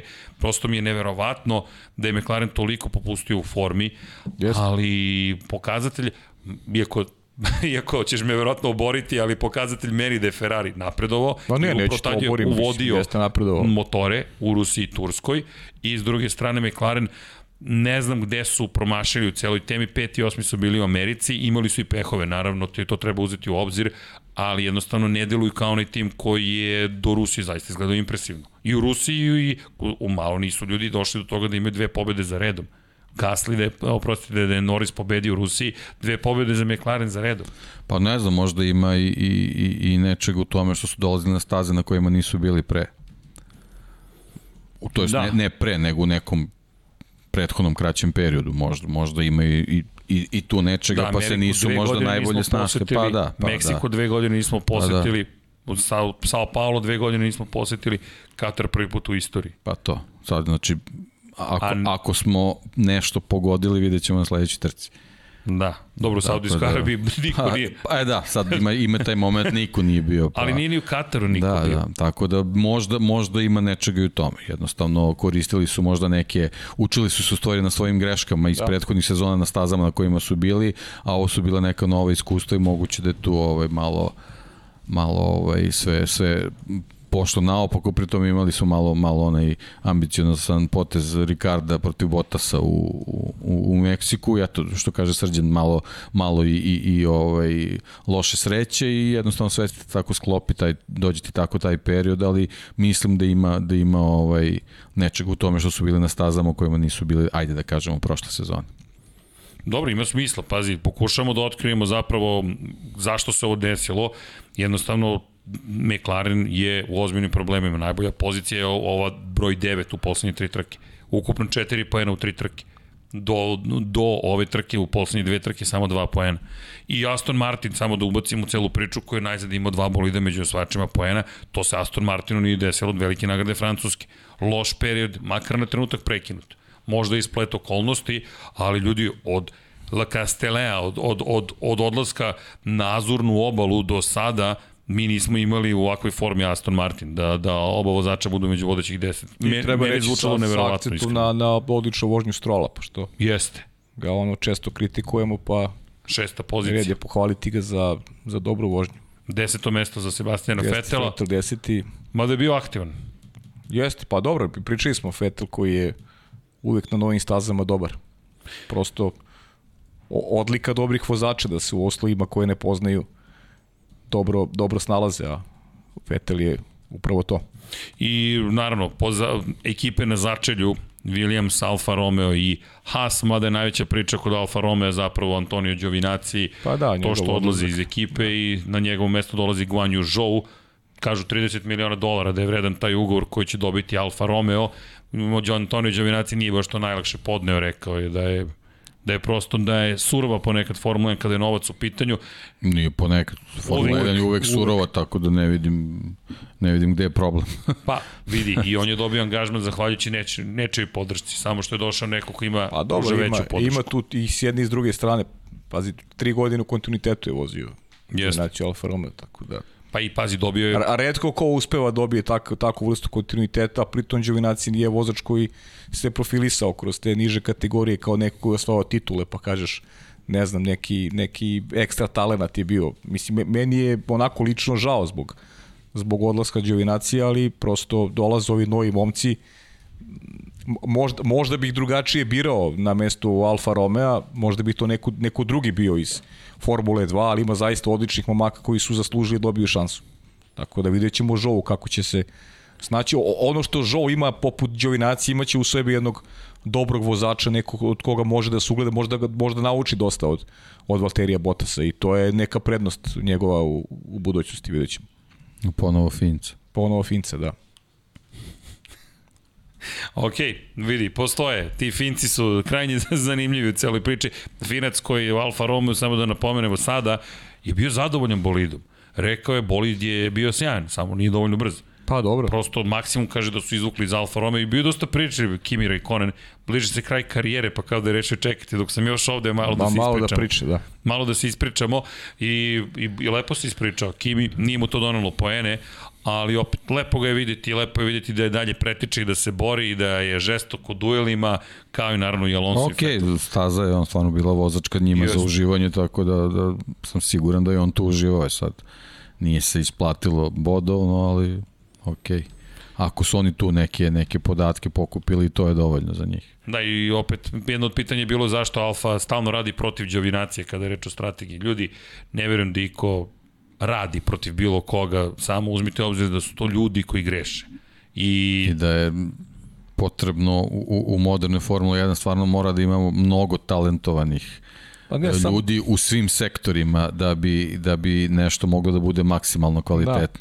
Pa i Jako je zašto bi- teško imati, ne znam, 20 kvalitetnih inženjera za strategiju. Jeste. To je, A i zašto To bi, baš teško. zašto bi sebi sekli ground na koji sede? Zar, zar ne bi hteli da imaju neki dobar pa naravno, tako da. Pomogao bi možda i u nekom Da. spo, smislu sponzora Ta ili teorija- nekoj promociji tima, znaš, mislim da, da nema potrebe. U krajnjem slučaju oni su odlučili od ranije još da, da Đovinaci je, je bivši, to se znalo jedan duži vremenski period, samo je sada obelodanjeno. Mislim da i ne treba ta vrsta, da kažem, nekog motiva, a, eto, nema rezultata Đovinacije, Ma pa ne, s obzirom da je mislim, momentalno objavljena slika vezana za njegov nov angažman, tako da mislim da je da, da se to već znalo ranije, pa, Pa da, malo, pa da. malo patetike nije na odmet. Pa dobro, vazi, to je malo za javnost, a to i prokomentarisao Frederik Vaser. Rekao je, Pitajte Gvida van de Garde, on će vam najbolje reći. Da. Pa- Pa, video Van der Garde.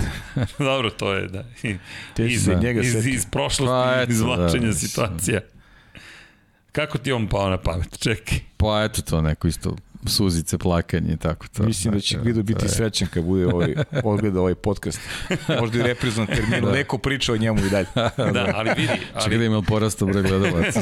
ali bih se vratio Pa na da, evo taman za jedan Pa više. da, pa da. za Đovinacija, za apropo njegovog dolaska u Formulu 1, ljudi, on u momentu kada je došao, sada se to zaboravlja, nije bio ni blizu ovog nivoa. Pa nije, bio ni nije. blizu Pa njegove nije izjave sporno, da je on napredovao, Da zaista. se on nije sprema za sporno. Ferrari je delovalo čak smešno u tom momentu. Utopija. Bukvalno utopija i on je imao veliki broj grešaka i kada je za Zauber vozio u, u početku kao gostujući vozač kao zamena, prosto čovek koji je izazvao nečuveni incident u Kini, tako da su njegove greške bili poveći i nije bio preterano brz. I te ove tri godine nisu mali, nisu kratak period u Formuli 1. Tako da je sve okej, nećemo plakati Pa za ne, Antonijom. sa, sa ovim brojem trka tri godine u Formula 1 stvarno, Mnogo. stvarno mnogo vezano za karijeru i te brojeve. Idemo dalje i da pozdravimo Igora Ljubaša koji podsjeća, ne zaboravite, 900. start McLarena. Prva da. trka Monako 1966. 900. trka Katar 2021. jeste. I Hamilton koji je zabeležio pobedu na 30. različitoj stazi jeste impresivan poduhvat. Dakle, na 30 različitih mesta je uspeo da pobedi rekorder je sada i po tom pitanju, a, a po broju pol pozicije to, to ćemo nazovemo modernim statistikama. Moderne statistike, da, to, to za mene nije statistika vezana za istorijat Formula 1, ali statistika. Apsolutno, Zašto? za poštovanje, mislim. Samo da, da pojasnimo, da. toliko je više trka u modernoj Formuli 1 da. da ranije kada biste imali 15-16 trka i često vodili, vozili na gotovo istim stazama, teže bilo neke stvari postići. Sada prosto broj, kada pogledate umesto 15-16, 22 trke, samo u jednoj sezoni, pa to, po... evo Đovinaci, za 3 godine on 60 trka skoro, ako nije čak i 60 odvezao na kraju, to bi vam ranije bilo potrebno 4 godine. Tako da nisu male stvari u pitanju. Kada se vodi moderna formula? Moderna, pa ne, znaš kako, ne postoji zvanično moderna, Vanja pita kada se vodi moderna Formula 1. Formula 1 je šampionat osnovan 1950. godine i to je to. I sad imaš neke... Uh, zapravo Za mene uvijek bila moderna, ne znam, ne znam, ne znam kako Da, da, pa znaš kako, era, ima dosta tih era, kožne kapice i motori koji su postavljeni napred, pa onda moment kada ih, po, kada ih stavljaju pozadi, pa onda moment kada dobijaju krila, pa onda moment kada se menja sa aluminijuma prelaze na ugljenična vlakna, pa onda moment kada se uvode poluautomatski menjači, pa onda moment kada elektronika preuzima i kontrolu proklizavanja, pa onda promene motora, dakle prelaziš, u jednom momentu si imao turbo motore zajedno sa atmosferskim, pa... Pa 20 počelo je pre jedno 6 godina otprilike, 6-7 godina. Tada je počeo da se značajno povećao broj trka. Pa eto, možemo da kažemo turbo era je nešto što je moderno. Hibridna. O, hibrid, hibrid. izvini, da, da, sad ne, sam spomenuo turbo. Pa, hibrid, čekaj. Hibridna, hibridna era. Da. Guraju nas da, da pričamo hibrid, da. čak su i rebrendirali praktično Formula 1 da se kaže hibridna, pošto je to ta tehnologija. Ali dobro hibridna. ali iz naše perspektive neka druga turbo era, pošto pre svega gledamo ka turbu, mada jeste hibrid u pitanju. Vrlo efikasno. Ali, ali kad već pričamo o tome da spomenemo, nije, nije ranije bilo mnogo manje trka, nego su samo voženi nekim, nekim uh, kako bih rekao, drugim uh, u, u, u šampionatima koji, koji se praktično nisu, nisu nalazili u svetskom šampionatu. Znači non-championship trke. Da, to je bilo Tako 70 da je bilo, je, bilo je sezona 60-ih, 70-ih da, da. gde su vozači vozili ozbiljan broj trka, ne samo vezano za Formulu 1 i Formulu 2 pa tadašnju, nego i GT automobile, tako da tako bilo je to ispunjeno kalendara pa, sigurno. Njihov trening Što je zapravo... meni, meni čak i zanimljivije, zato što jednostavno imaš priliku da voziš neke druge serije sa 22 trke u Formuli Formuli 1, teško da neki vozač danas može baš toliko da priušti da, da, da pređe neki drugi šampionat. Pa, zapravo kada pogledaš, kada pogledaš istoriju Formule 1 i kada pogledaš šta se, šta se sve događalo, imaš iz perspektive broja trka i, i mesta na koji si, si mogao da gledaš te vozače, njima je trening bio vožnja trka. Njihov trening je bukvalno bilo, bio to što su oni petkom, subotom, nedeljom vozili treninge, kvalifikacije, trke i to u raznim šampionatima. Nisi imao pauzu u suštini, kad je trening, pa sledeća trka mi je zapravo trening, tako da je i to uticalo na način na koji su se pripremali. Ali dobro, neko drugo vreme, konačno Botas je u Meksiku dobio onu kožnu kapicu, danas to izgleda tako bizarno, razmišljaš što je čuvalo. Eto, on je, on je tad borio se za neki ulog, njemu možda Jest. treba dati neku inspiraciju. Pa dobio je, dobio Fangio kapicu, sad je dobio da. Nepe Harčić za TikTok, beže, da ste dobio, eto, tako da skuplja on trofeje. skuplja trofeje, da. Tako da, Ima ih. Nije, ovo je, ovo je beričetna sezona za njega. Jeste. Jeste. Da, inače, da, evo sad, poruka, čuvaj sad glas. Sad Žou može sledeće godine da mu priča kako ti izgleda voziti u Formuli 2, tako. Ne može, svašta nešto može da Neki nauči on. Da, da, tako je. Da, on to nikad nije spoznao. Da. da. Zrđan uopšte ne priča, samo ima digresije večeras, kaže. Pa evo da, ne pričam, nisam, pa. nisam mnogo pričao. Ja Ali sam dobro. rekao, ako doktor kao ovo sluša, znači, deki ti, ne, ne ti, nego deki ja smo potpuno nagrabusili. Pritom... Otimajte. Pritom, Boris je ljud 100%. I ja, ček, to ću ja. Pa, to ću ja, stvarno. izvinjavam se zaista dami i gospodo. Jel treba još nešto da spomenemo, ne, nismo imali Formulu 2, to ćemo najaviti sledeći put iz perspektive onoga što se... Pa da, generalno najava je za sledeći put, ne sad. Najava za sledeći put, da. što stazu još čekamo. Pa ne znam šta da. još možemo kažemo da. trci, ne znam da smo, da smo nešto propustili vezano za, za dešavanje, mislim da Pa generalno, sigurno nešto. Bila je, bila je priča ono, one kvalifikacije, te žute zastave, ali to smo, to smo prošli, mislim i generalno ne vidim tu ništa sporno, jednostavno ništa, vozači moraju stvarno da, da se A, po tom pitanju da budu disciplinirani disciplinovani i da bez obzira kakva je borba, znači ako se istakne dvostruka žuta zastava, kako god to, to ne, nepravedno delovalo ili ne znam kako, jednostavno noga mora se skine s gasa, mislim i to je to je nešto što, što, što mi je stvarno neshvatljivo da uopšte postane sporno za, za neke vozače, zašto je to kaženo na neki način. Iako imamo neke druge situacije gde možda i sa pravom možda kritikujemo sudije i tako dalje, da, tako da. dalje. Ovo jednostavno meni apsolutno ništa sporno nije bilo. Slažem se. Pa nismo ni komentarisni to pa, prenosa, mislim ništa. Samo kratko, pa vidi, mi, mi čak tu u tom momentu nismo ni znali da li će biti. Ono što je veći problem je, jer to stiže čaj za mene. Tako je. Ja, kako vodite računa o meni, hvala. To su Srle i Pajče. Ovde su Deki i Srle, a ovde su sad Srle i Pajče. Hvala, dobio sam čaj. E, da, da samo konstatujem iz perspektive Sme, sme se ovde dekla, dobro stiže, stvarno ljudi čaj, nema zabrana, nema ni vode. Čaj, samo čaj pije. Samo čajve, samo, samo toplo molim vas, ali ne vruje vrelo ili hladno.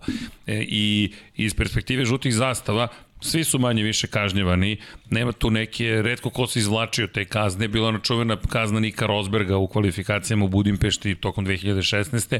Da li da bude kažen, da li da ne bude. I bilo veći... je samo pitanje zašto Bottas dobio pomerenje za tri pozicije, a Max dobio pomerenje za Jedna pozicije. žuta za Bottasa je bila, dve da, žute su bile za Feštapena, ali ono što je problem bio jeste signalizacija. Što su neke od zapravo svetlosnih signala su neki od svetlosnih signala pokazivali zelenu zastavu sa desne strane, na samom upravljaču je bilo čas žuto, čas zeleno i sa leve strane su bile dvostruke žute zastave.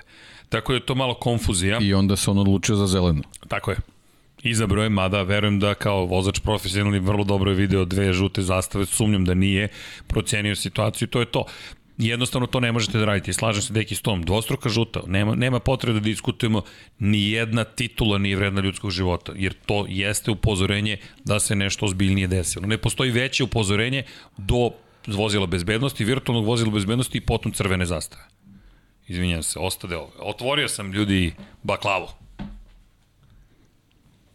Zato bi Bravo. možda, eto, to je ono, već smo pričali o tome, nešto vezano za, za taj odlučujući Q3 deo kvalifikacije, možda bi bilo dobro da razmotre nekako da, da, da, da možda u, u vozači koji uđu taj poslednji deo, recimo njih desetorica u nekom inverznom rasporedu voze taj krug i možda bi bilo zanimljivo i, i jednostavno u, u toj situaciji ne bismo dolali, dolazili do, do, do ovih detalja da neko može da bude hendikepiran ako, ako se desi ta, ta žuta zastava, jer vidimo dešavalo se i ove godine i stvarno neko ko nailazi posle toga jednostavno u, u, u toj, toj poslednjoj fazi, generalno kad vozači najviše forsiraju i, i može da dođe do, u, u većem procentu do takve situacije, jednostavno ono, ko, ko je bio dovoljno nesrećen da se nađe tu i za jednostavno gubi priliku za svoj poslednji krug, tako da eto možda to može da bude jedna od opcija koje koja bi u nekoj budućnosti mogla da, da se pojavi, da nam, da nam u tom segmentu donese malo neku zanimljiviju i, i očigledniju priču, a ne ovako da moramo da razmišljamo da će se prekinuti na ovaj način. Da, I apropo generalno svih tih situacija, to čekanje zaista, na primjer, na kaznu 16 sati, 18 sati, e, to da, to 20 sam, to, sati, to, kažem. to je potpuno neprihvatljivo. Pa dobiješ bukvalno 2 sata pre početak početka trke ti, ti dobijaš informaciju o tome da li neko kažnjen, zaista da. To je, tako to su je Hamiltona diskvalifikovali u tako Brazilu, je, pa da, pa tako mislim, su sada u Kataru pomeri ne, ne, nevezano koji u pitanju, prosto, znaš, to je Vidi, glupost, baš glupost. Ironije je da mi, dakle, ko ima F1 TV Pro pretplatu može da vrati pogled iz perspektive vozača i da vidi šta se desilo. U roku od 25 sekundi. Direkcija trke bi morala da se pretplati onda na F1 TV Pro. Pa bukvalno, jer ako ne, evo, pozajmit im username i password, pa neka pogledaju. Ne znam šta drugo da kažem i to isto bilo u Brazilu tokom trke. Nismo videli Maxov uh, bolid iz njegove perspektive. Stvarno, evo, mi smo videli, samo smo uradili rewind i, i pogledali. Tako da bi to, to na tome mora mnogo da, da se poradi. Ništa, ništa sporno Mada, nema o tome. Tako što da. kaže Deki, što se više priča o nečemu, veći će biti gledanost, a što duže čekaš tako odluku, je. više se priča o tome. NPR, ne kažem da su to uradili, samo zaključujem da, da, da tako... Samo ne moraju da žuri. Tako je, tako može da pa se, da, na primjer, desi. 15 minuta, mogu da se pomeri lepo, boli da budu, da se postave i onda kaže, ej, da kaže, idemo. mi smo odlučili, I onda iznena, iznenade Alfa Tauri i vidi šta se A, desi. Da. Njima naprave problem. Da, Alfa Tauri se da. zbunio u cijeloj situaciji. Baš se zbunili. Jeste, jeste. Da. Ne, ali mene stvarno inženjerska ta bitka silno zanima I ko će tu pobediti? Vanja, može reklamica. Zašto? Zato što mi imamo jednu malu inženjersku priču u novembru tu i decembru, vozite se i punite gorivo na OMV-u. OMV. Energija za bolji život. Kako sam izveo ovaj uvod? A? Mi imamo gorivo najbolje za sada. Dakle, za one koji su na audio platformama, mali EPP moment, zašto? Zato što to održava Infinity Lighthouse i celu ekipu i čekaj gde je, da niko da naučim gde je kada da gledam ekran, tu je OMV za ovu godinu, tako da znate, e, a inače, iako nam nije Philips sponsor, One Blade sam nabavio za To je zato što su bili dobri prošle godine i prvi, među prvima nas podržali, tako da mi volimo da podržamo one koji nas prvo podrže. Potvrđen, kaže, najviši kvalitet goriva OMV Max Motion Super 100+, Plus, je li tako? Dom Pablo ne grešimo večeras. OMV Max Motion Super 100 Plus ispunjava najviše standarde svetske povelje o gorivu. Worldwide Fuel Charter WWFC kategoriju 6 koja omogućava najveću efikasnost motora i minimalnu emisiju izduvnih gasova. Moram predstaviti da mi inspirisao i podcast Formula 1 zvaničan kako oni to lepo izvedu. Standardi i zahtjevi industrije poslednjih godina su se značajno, kaže, razvili, pa je u skladu sa njim OMV napravio još jedan važan korak napred i dokazao kvalitet svog premium benzina Max Motion Super 100 Plus. Dakle, ispunjava najviše standarde kvaliteta, svetska povelj gorivo, kategorija 6 i topla preporuka za gorivo tokom ove zime. Konačno videli ste koje je zaštitno lice, gospodin Miloš Pavlović, pa ako Miloš koristi to gorivo, koristi Infinity Lighthouse, a ja imam ovde gorivo zvano čaj, koji je nabavljen na OMV pumpi. Tako, možete da popijete čaj i kafu. I pitao sam doktorku, može kafa? Kaže, može, ali ne smeš previše. Dobar, dobar je čaj, zaista ja pijem, odlično. E da, danas smo na čaju. Deki, šta ti piješ? A Deki uvek pije čaj. Čaj, čaj, čaj pa, da. ne, Deki da. inače ne pije kafu, za sve one koje zanima. Pa, Ali sve. vaš automobil nadam se da pije OMV Max Motion Super 100+. Zadovoljni Dom Pablo? Onako. Bravo, bravo. Onako. Pozdravite ekipu, ali dobro, malo u šali, malo u zbilji. Ete, ne zaboravim, pozdravljate, hvala zaista sponsorima. Pozdravljate Davor. Davor, pozdrav za Davora. Znaš ko je Davor, znaš? Znam ko je Davor. Dobro. I imamo pitanja sa Patreona. Imam podsjetnik u baš u komentarima. Srki, čitaj sa Patreona. Mario Vidović kaže, pozdrav ekipi, moje mišljenje je Mercedes sredio mečku i da je jednostavno neuhvatljiva. To me ni malo ne veseli jer neko im moći da bi mogli ostati uskraćeni za dvojmi Maxa i Luisa, pošto jednostavno Red Bull neće moći parirati Mercedesima. Druga stvar, jeste li primetili kako Alonso na podijum odmah se okrenuo od Luisa i odmah prišao Maxu? Stvarno nevjerojatno da neka rivalstva ostaju zaovek, ali sa druge strane predivno nešto. O... Pozdrav svima i ostanite zdravi. Nek Deki da neki komentar na hibridni reli od iduće godine. Posebna emisija, pratite specijal reli hibrid, apropo toga. To smo rekli na podijumu. Da Ti si odmah da uočio. nije da. čudno što, što Max i Alonso slave zajedno, a čovjek koji je pobedio sam za sebe. A, Stari rivali. Hamilton ja, ja i Alonso. Da, ja sam rekao i pre početka, ja, ja mislim sada da će Max da bude šampion. Eto, to je moja, moja ovaj procena. Da će ipak pobediti na kraju.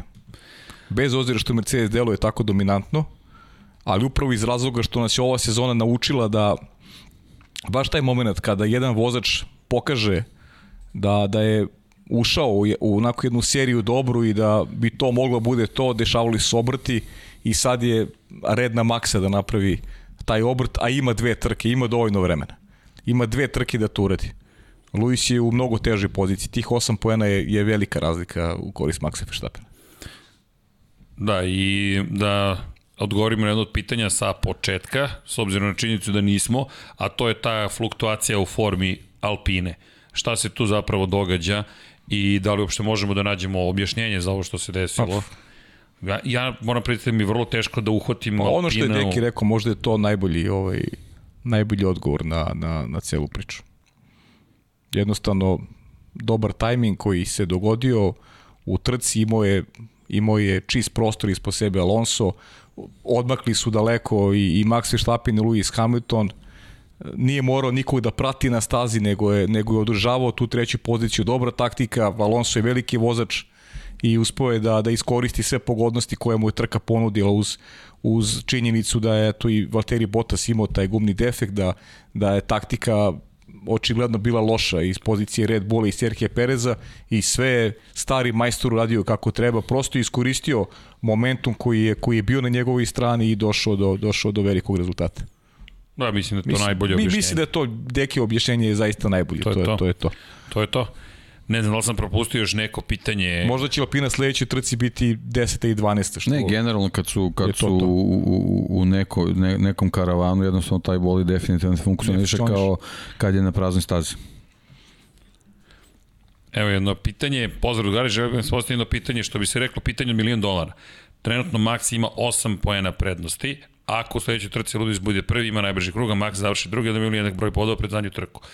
Ali to, to, to smo odgovorili, dakle, gleda se broj pobjede, to smo na početku rekli. Pa da, gleda se broj pobjeda, ali, ali neće uticati broj pobjeda jer prosto ne mogu dođu u situaciju da, budu, da na kraju imaju isti broj poena. I ali mogu. Mogu, ako, ako ne završe trku. Ako ne da. završe trku, pa tako da. je. Onda će Max da bude Da, šampion. nama je, nama je ovaj Da, da, scenario vezan za prvo drugo mesto. Da. Ako ne Da, da, završe trku, Max je šampion, jer imaće 9 pobjede naspram 8 Luisa Hamiltona. Da, ako ima i dalje isti broj poena. Da, da. Pošto Hamilton ne može da ima više pobjeda, može samo da se izjednači sa brojem po broju pobjeda, ako to uradi i onda ima više poena. Da. Isti Pa broj bodova, Max je šampion, da. Da, ali nekim čudom, hipotetički da se desi da imaju isti broj poena i isti broj pobjeda, onda se gleda broj drugih pozicija. Ako i to isto, trećih pozicija, četvrtih pozicija, petih i tako dalje. Ako je i sve to isto, koliko se sećamo, onda jao, da li je to pravilo u Formuli 1, a moram da proverim u nekom od šampionata je arbitražna odluka kome će pripasti titula. Znam da sam to zapamtio da je neki bizaran tiebreaker na kraju, ako ništa ne može da prelomi, da. tipa na kraju od, odluka leži tipa na komisiji.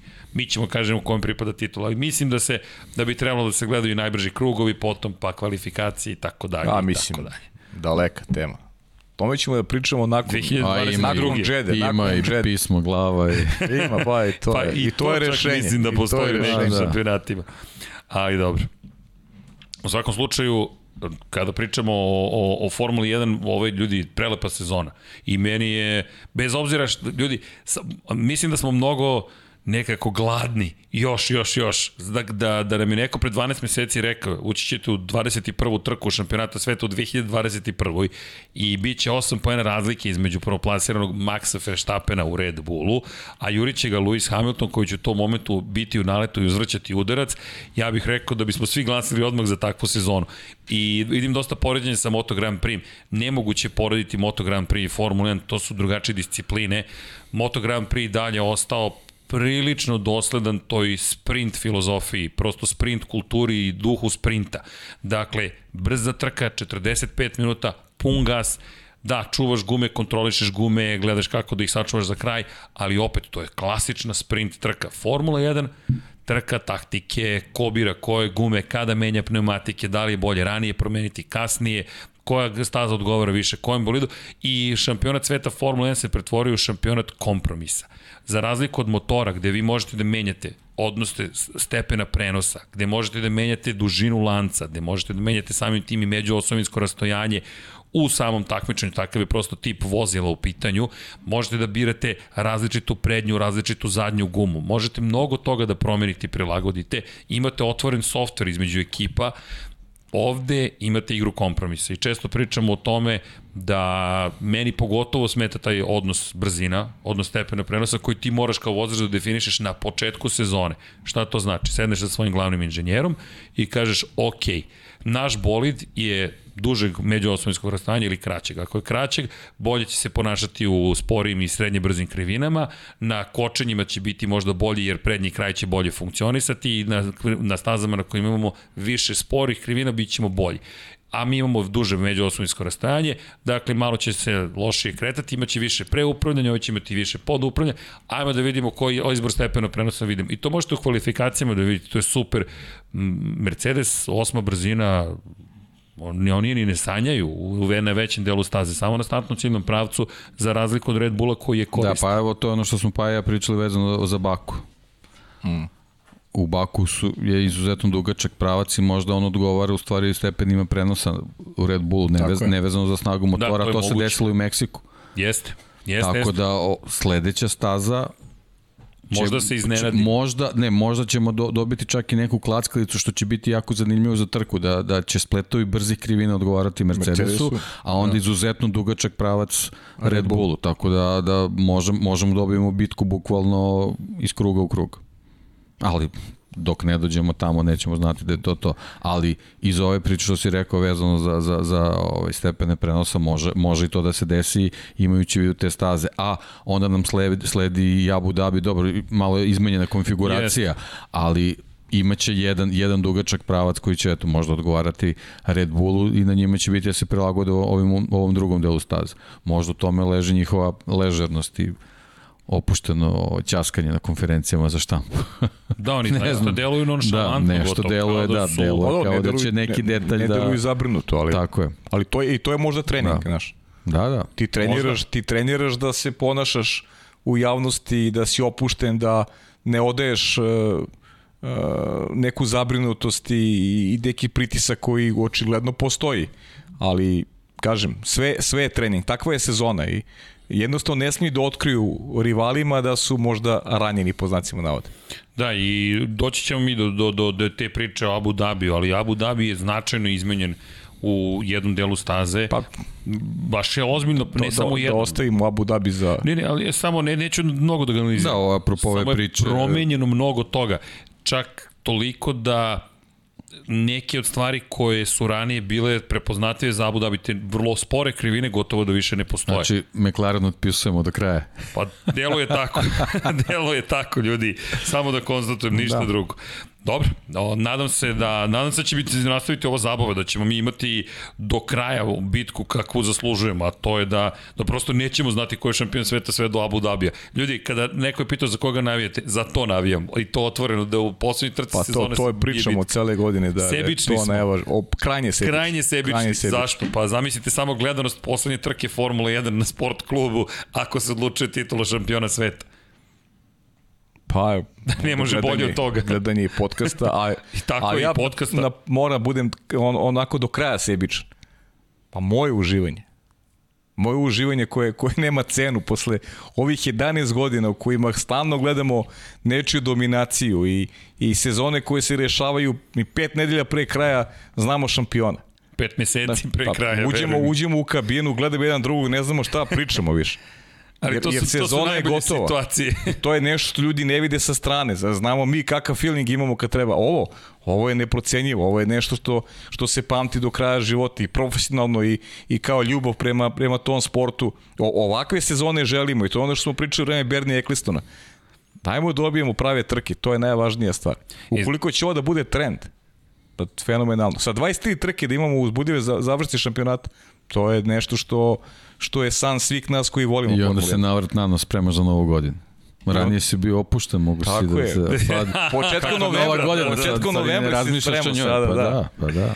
E, jeste, to više ne postoji. A nova godina ti dođe Ma sad kao, pa kakvi, daj da da. odmorim malo za Da. novu godinu. Kakav crni doček. Taman raskitiš ukrase, onda nova sezona. Jeste. E, ustanovio sam na Hromu da mi inače ne radi Fantasy Liga. Tako da moram da se prebacim na Safari. Neko mi je dao trik prošli put. Inače, pa i ja imamo tako situacije kad nam promene kabinu, pa na, na računaru poslednjem ta najnovija verzija Hroma neće da radi live timing, pa kažemo, ok, idemo iz početka. To se sad dogodilo, ajde. Da, to se sada dogodilo, ali se ekipa snašla. To su oni momenti iza kulisa. Ali jeste ovo što si govorio prethodnih godina, uh, uđemo i pogledamo se i kažemo, ok, i hoće ovo biti zaista zanimljivo. Da, bre, dođi, ne mogu da ga gledamo, znaš. Dosadno mi je. ni od mene, ni ja njega, a kao treba da radim. Priznaj da ne može vikend ti prođe bez mene Šalim kad se završi sezona. Ali da vidimo mi fantazi, neće da se uloguju fantazi. Dobro, ljudi, ko je na četu koji je uspeo da otkrije trik kako dopreti do fantazija, molim vas neka se javi sada. Zato što ja opet ne mogu da uđem u fantaziji i to me mnogo nervira. Tako da molim vas za pomoć. Eto, obraćam se ekipi sa četa. Neko je uspeo da... ot- Kako? Pa, fantasy.formula1.com Šaljem ti evo na Slack.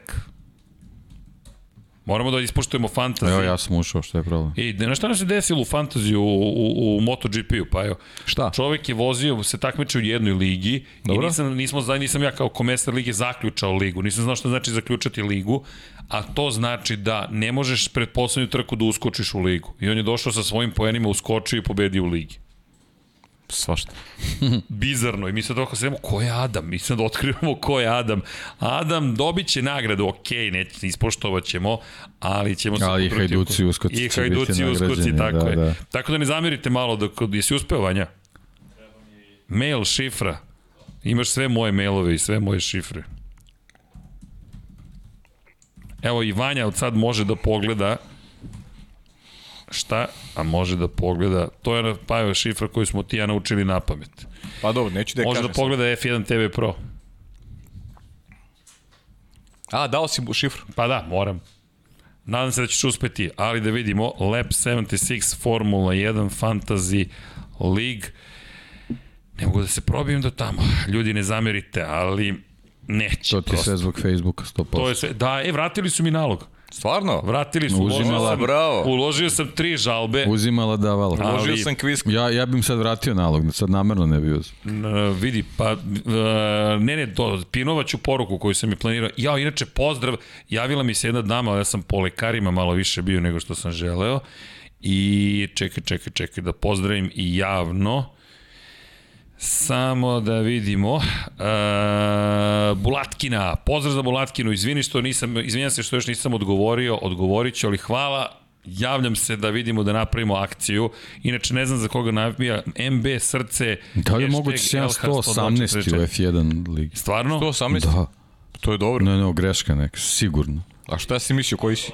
Ma, nemam pojma, imao sam Leclera, Gaslija, Norisa i Rasela sad u timu. Evo, uspeo sam, uspeo sam da uđem. Uganda Racing Squad, opa, Uganđani neki je na poziciji Nemanja K na poziciji broj 1, 4080 poena.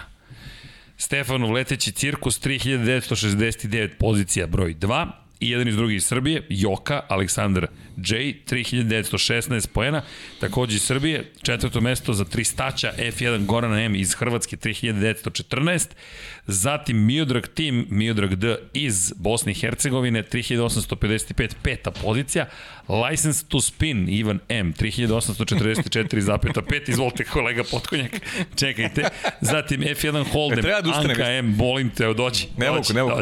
E, čekaj da je da probamo, da imamo ovo što je dono. Izvolite. Ligu skroz ovde. 3835,5. A čekaj. A ne, čekaj, da koja liga? Pa sad ne znam. Pa mogli bi, stvarno. A ne, ovo je druga liga. Lab Ovo- a, ovo 76 nije official. E, e, A, tako. okej. A mi pošalji link, molim te. Pr prva šela. Daj mi, pošalji mi link lige, uzmi URL lige pa mi pošalji da mogu da pročitam. Opa, Šela, jao, znao sam posle Brazila da će da povede, jao, Šela, opa, Šela, mega giga inteligentna devojka koja radi za Red Bull Racing i Evo ti ko- neki link na, na neki link, hvala. U, ne, store, ček, ček, pogreš, store shop uđi, pogrešna mi je adresa. Evo, posla mi je Vanja. E, dobro. Master Blan, Šejla, Čebirić, opa, Šejla. Ej, ljudi, nije na vezu, nije to što je nama pomagala. 3, 4054,5 poena, daj nam mečku. Ne mogu da se ulogujem, pa ne mogu da pročitam ceo naziv. 4042, pa S21 R01 Stefan R iz Srbije, pozicija 3, 4039. Mačak from Čačak, Miloš P, četvrti. Zatim Momčilo Team Det, Momčilo J, peta pozicija iz Srbije, leteći Mango, Đorđe Š, takođe iz Srbije na poziciji 6, Stefanov leteći Zirko Stefan je sedmi, takođe iz Srbije, šalu na stranu, takođe iz Srbije Nikola P, osma pozicija, na devetom mestu Uglješa E. Durok, opa, hvala vam, kolega, evo izvolite, i deseta pozicija Dušan Tim 1, Dušan M. Ok, rekli smo 15 prvih čitamo na kraju sezone, 11. mesta Vodka Red Bull, Nenad M iz Sjedinih američkih država, Uh, zatim Speedy Racing Team, šta je ovo? Je ovo zastava Paragvaja? Kako Filipi, si siguran? Fi, meni oči, jeste, ovo su Filipini. Dobro, malo vid, ok, bolje kad se malo odmaknem. Neopara, bravo, mazite se, pazite se iz Hrvatske, pozicija 13, hvala za naziv, to je divno. Zatim Vlada 2-2, iz Srbije Dragan S i 300 Čef 1, Goran M iz Hrvatske na poziciji 15, ali Master Blan, Šejla Čebirić. Jao, Šejla, nadam se da slušaš. Dobro, pa Šejla je u Velikoj Britaniji, bukvalno je u fabrici Red Bull Racinga. Tako da, o, pa ne znam, je li to, je li, je se, je li Ništa, od sad pravilo sledeće pravilo sezone. sledeće zaposleni u za- Formuli 1? Tako je, ne mogu svoj tim da, da stave u, u fantasy ligu. To mora se napiše. U, Da, da, to, to, tačka pravilniku. 1, da. U pravilniku. Da. Ok, Šalim stavit se svaka čast. Ne, Sva, sve svaka okej. čast Šejla. A ko je 118. Jesi pročitao? Dejan Potkonjak je 118. Dobro. Nemam pojma. Koji? 636. Hvala ti, Vanja. E, Boris se, probali smo ovo Bori se i odlično. svi ovaj klimamo glavom zadovoljni. Nismo svi probali, neki od nas i dalje pričaju. Da. E sad, Ali greba ćete grlo od ovoga. Mislim, da je bolje, bolje je da paja, da paja i ja podelim to ideja. Zamislite da otvaram laptop. Stigla nova godina kod Dekija Deki, Potkonjaka drago mi je ranije. da si počeo ga štediš, evo, koliko prošlo, dva sata. Sat i 39 minuta, ali hvala vam na tome. Hvala. To su moje kolege i prijatelji. Pa dobro, Hvala brinemo o tebi, što hoćeš. Vidim, neviđen. I tako. Dobro. Elem, hoćemo da se bacimo na pitanje i odgovore. Hvala vam. To da stavim na sto. Pa stavi, pa, Da se nađe ruci. Dekija još malo, ne vidi. Meni je knjiga, jeli? Jebi knjige. Dobro. Eto. Eto, gde su mladi, tu i pošalica, pa eto, nadam se da da ste uživali u ovom zvaničnom delu večerašnjeg E, bravo, programa. Boris se svaka čast. Pozdrav za Borisa. Dakle, ok, hoćemo da se prebacimo na, na pitanja. Ajmo na pitanja, ajde. I, i, I nadam se odgovore. Imaš Pa. ti neka pitanja? Pa ima, verovatno, čekaj da Ili, pogledam. ili moram ja da čitam, pošto odmoram Čekaj, glas. čekaj, čekaj, čekaj, ja ću. Dok vas dvojica sve pojedete. Deki. Ej, čekajte ljudi, molim vas, ajmo da, e, evo poslaću link za ligu, ali link za ligu je sledeći. Liga se zove Official Lab 76 Liga. E, Čika Srki, imam pitanje od prošle emisije. Hvala Vuče. Koje je vaše mišljenje o propalnom spajanju McLarena sa Porsche Audi grupom i da li postoji šansa za njihov ulazak u F1 2025 zbog dostatka u hibridnoj eri? Pa nisam siguran da, čujte, da, daleko smo mi od, od, od, od toga da, da, je, da smo čuli poslednju reč kada je reč o Audi i Porscheu. I cela ta priča, što kaže pa da ima, da ima, ima, ima vatre, ali ajmo, ajmo da sačekamo još malo. Mislim da ćemo... Ima vremena. Da, da, da, da će sigurno neko od njih ući konačno Formula 1 čini sve što je u njenoj moći da se povinu njihovim zahtevima. Tako da ja mislim da će se pojaviti, sad samo je pitanje u kom momentu ćemo to i, i dobiti. Inače, Ognjen pita, Srki, kako komentarišeš pune tribine u Kataru, da li te to iznenadilo tvoj komentar? Pa i jeste i nije. Formula 1 je mnogo popularniji od Moto Grand Prix, koliko god Moto Grand Prix, Prix bio spektakularan i koliko god ljubitelji motociklizma privlačio, Formula 1 je svet za sebe. Postoje određene preklapama u među navijačima i ljubiteljima automotosporta. Nekako želim da verujem da mi pomažemo tome da se što više prebaci iz jednog sporta u drugi i obrnuto, a na ovim prostorima makar, ali činjenica je da je Formula 1 ljudi globalni spektakl.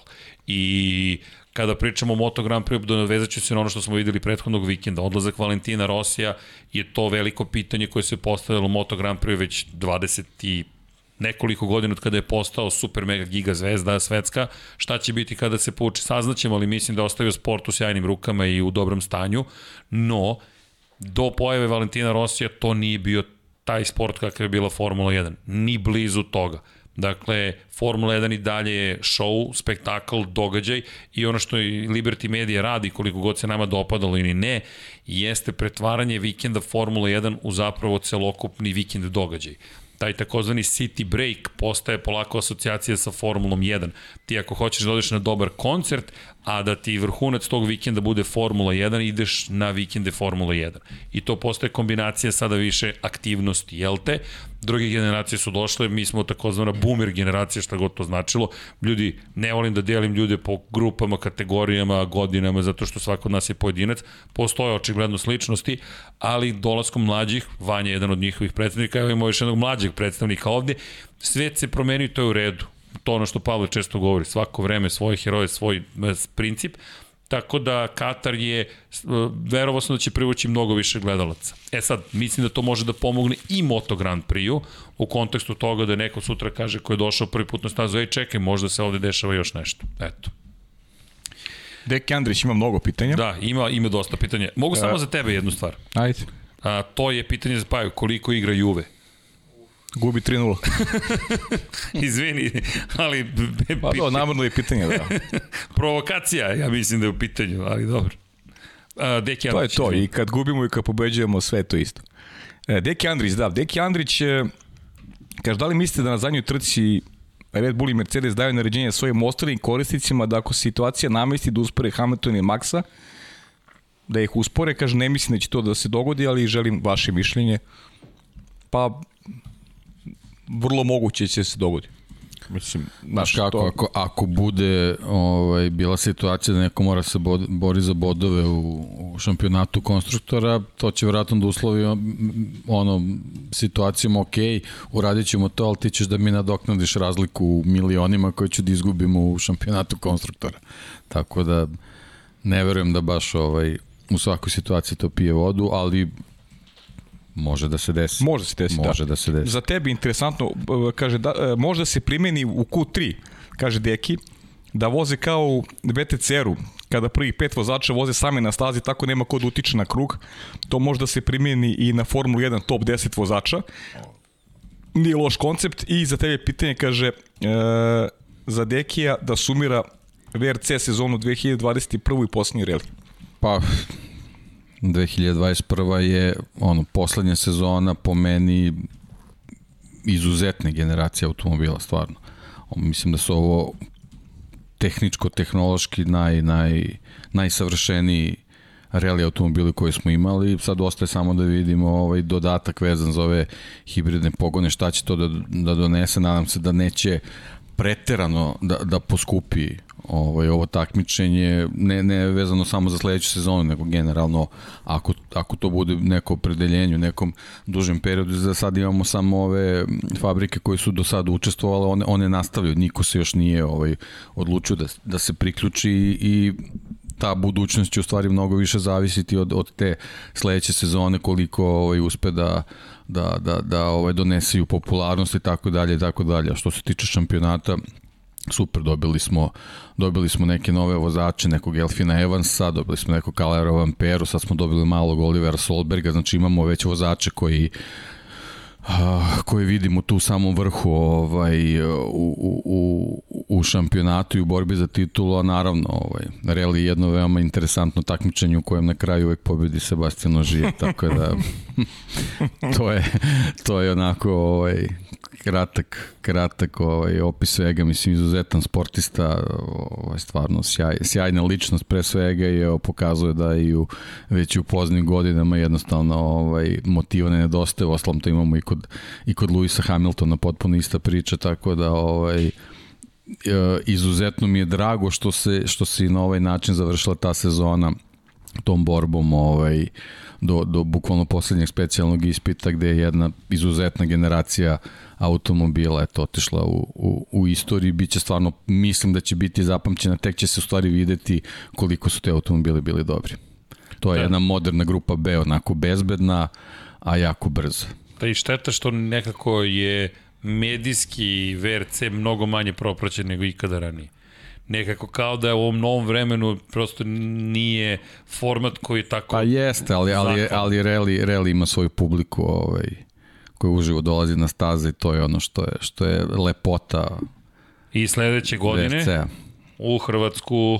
Ma ne samo u Hrvatsku, sad ako, ako situacija bude dozvolila i, i, i na neke druge relije. Kažem, ja se nadam da, da, da, će, da, će, da će moderni automobili, te, te nove generacije da zadrže ovaj koncept, naravno bit će tu mnogo manje aerodinamike i tako dalje, a taj hibrid generalno, koliko sam ja shvatio, on će, se, on će se više koristiti za tu neku vožnju između specijalnih ispita, tako da možda neće, neće, ovaj, neće da, da se ta, ta ovaj performansa u potpunosti u propasti sa tim nekim novitetima, ali ja on, mislim, na, na, na to tako gledamo, jer, jer reli bi stvarno trebao da ostane takmičenje vozača pre svega, tako da vidjet ćemo. Generalno ova sezona je bila super što se mene tiče. Da, inače, evo, Bartol Kalinić kaže da nije bilo Croatia Rally, ne bi nikad pre, Rally zapravo pratio ozbiljnije. Ali Zato se pojavljuju nove, je. nove trke. I Pa to da. je ono što je fenomenalno. Zato vas i pozivamo, ljudi, naredne godine na proleće, Rally Hrvatske. Ako, bude okolno, ako budu okolnosti dozvoljavale. Jedan uzbudljivih ove godine. Obavezno, Tako da, ali ljudi obavezno. I ovo što Deki kaže, Rally nije rođen za televiziju. on nikad, ni jedan od ovih sportova kada je nastao nije imao u svojoj glavi televiziju, ali formati su se u Formuli 1 značajno promenili. Trke su nekad znale satima i satima, sada to izgleda drugačije, ali reli je drugačiji i morate uživo dodati da to osetite, da vidite, da se sakrijete iza nekog drveta kada pomislite da će da poleti ka vama. Ne, ne, ne nadam se da neće nikad poleteti ka vama, ali činjenica je da je to takođe taj deo momenta koji kad osetite tu brzinu, u stomaku osetite rezonatorska kutija radika kad prolaze pored vas i kažete ok, ovo je reli. Ove godine dostizali su 200 km na sat. Ma, neverovatno neverovatno, neverovatno zaista. Tako da obavezno ukoliko možete e, da, da pratite topla, blago rečeno topla preporuka. Toprak ple, preporuka. Toprak. to. Šta misli, da, da li je Russell dovoljno dobar za Mercedes ili je precenjen sa, uh, samo i da li je Bottas možda ipak treba da ostane, volao bi da čujem vaše mišljenje jer sam veliki navijač Mercedesa čisto da mirnije spava. Ko pa, znaš kako, generalno mislim da, da, da je ovaj više faktora uticalo na, na, na prelazak Đorđa Russella, a između oslog što je on jako dugo već test vozač ovaj, Mercedes i mislim da oni da su ga oni jako dobro ispratili i jako dobro procenili da on može da bude ovaj, dobra adekvatna zamena i možda još bolje od Valterija Bottasa. Je sad nažalost ostali su uskraćeni za veoma važno ekspertsko mišljenje Nike Laude koji je generalno i učestvovao u, u formiranju ovog pobedničkog Mercedesa. To je možda jedan od nedostataka ovaj, u, u oceni George Russella. On je pokazao da je da je zaista brze, sad bilo je tu dosta i grešaka, ali oni su pre svega uslovljeni možda i tim forsiranjem i dovođenjem na limit bolida. Williams u stvari svako, svako prekoračenje limita dovodilo i do nekih grešaka, s druge strane kad se nađeš u, u bolidu koji je gotovo savršen i jednostavno uh, i, i sam utiče na to da vozač pravi manje grešaka i, i, i, i vozač koji sedi u njemu postaje bolji, tako da ovaj, to je jedan aspekt, a drugi aspekt je možda neka želja da se u novu eru uđe sa, sa mlađim vozačem koji će od početka učestvovati u razvoju i i ovaj pripremi tog bolida za budućnost ili jednostavno Lewis Hamilton i, i, i biološki se verovatno ne vidi da, da, da će preterano dugo vremena još biti biti u, i u Mercedesu i u, i u Formuli 1, tako da eto, iz te perspektive George Russell je bio jedno, jedno dobro rešenje kao pripadnik te, te nove generacije vozača, između oslog čovjek koji je već dugo godina uz Mercedes, tako da E, ali Deki, izvini, imam ja pitanje sada vezano, nadovezujem se na jedno od pitanja gledalaca, a to je dugovečnost vozača. Alonso je ušao u petu decenu, 40 godina ima, ovako voziti nije ni malo jednostavno, refleksi se usporavaju kako idu godine, moraš da budeš gotovo savršenih refleksa u Formuli 1, međutim gledamo karijere ne znam, Toma Brady-a u NFL-u, gledamo karijeru sada Fernanda Alonso, pa i Valentino Rossi koji je vozio do 42. savremeni Moto Grand Prix, i on je sekund možda spori od najbržih, to više nije dovoljno, ali da li Hamilton sa 36 godina ima još dovoljno godina, da li to Alonso pokazuje, da li smo ušli u novu eru po pitanju dugovečnosti sportista generalno? Pa može, može i to da bude, da, ali, ali generalno tu je najvažnija stvar motivacije. Ja mislim da, da šampionu kakav je Hamilton ne dovodiš vozača koji može da ga ugrozi. To je moje mišljenje. I zato sam bio za tu opciju. Meni je delovala logičnija opcija sa Valtterijom Bottasom za budućnost Mercedes. E, sad debi u celoj priči bio George Russell i kako bi se profilisao George Russell, to je pitanje. U krajnjem slučaju, ko garantuje Mercedesu da će George Russell da daje ono što ekipa Absolutno, traži. tako je. To niko tako ne zna. A sa Valterijem Bottasom su imali, mislim da Lewis Hamilton deluje kao neko će da traje sigurno još dve godine najmanje. A to je, mislim da je jedan dovoljan period da, da možda nekom drugom vozaču, da se ne zove George Russell, da nađu zamenu. Mercedes ili to, je tim ili koji da može se, da nađe da u tom periodu uz Luisa Hamiltona George Russell izgradi da on jednostavno nastavi tu priču. E, e, to je sad jedan Ali drugi to je deo sad priče. stvar, Mi, on mora i harizmu svoju da Tako izgradi i imidž i tako Pi- dalje. Tako pitanje dalje. je kako se postavlja Mercedes prema, prema Georgeu Russellu i koliko George Russell prihvata, verujem da prihvata ono što su negde saveti kako nije, treba da se nije ponaša za i tako poređenje, ali na taj način se recimo Max Verstappen izbo, izborio u moru vojnika koji se nalaze u Red Bullovom taboru da, da, da ispliva kao vozač broj 1 u, u kompletnoj priči oko Red Bulla, ne samo da. ekipe Formula 1, nego svih tih vozača koji se nalaze u, u, u, u, u nekom njihovom vidokrugu. Da. Tako da to, to je ono što između osloga očekuje e, Georgia Russell. Pazi, da, moj pogled, makar sa strane, kao, kao neko koga uopšte e, ne dotiče kako će Mercedes izgledati, ne, ne dotiče me navijački, ali e, meni je drago što dolazi George Russell kao nekom ko voli Formulu 1, dolazi jedno novo lice, dolazi mlad momak koji, koji je pun talenta, koji je pokazao da, da može i tekako da, da kaže e, mnogo toga u Formuli 1. Ja pokušam da se postavim u ulogu, ulogu Mercedes. Mislim da Mercedesu kao timu e, ne treba da menja tim koji dobija. A ovo je tim koji dobija. Eto, samo postoje dva pogleda, dakle.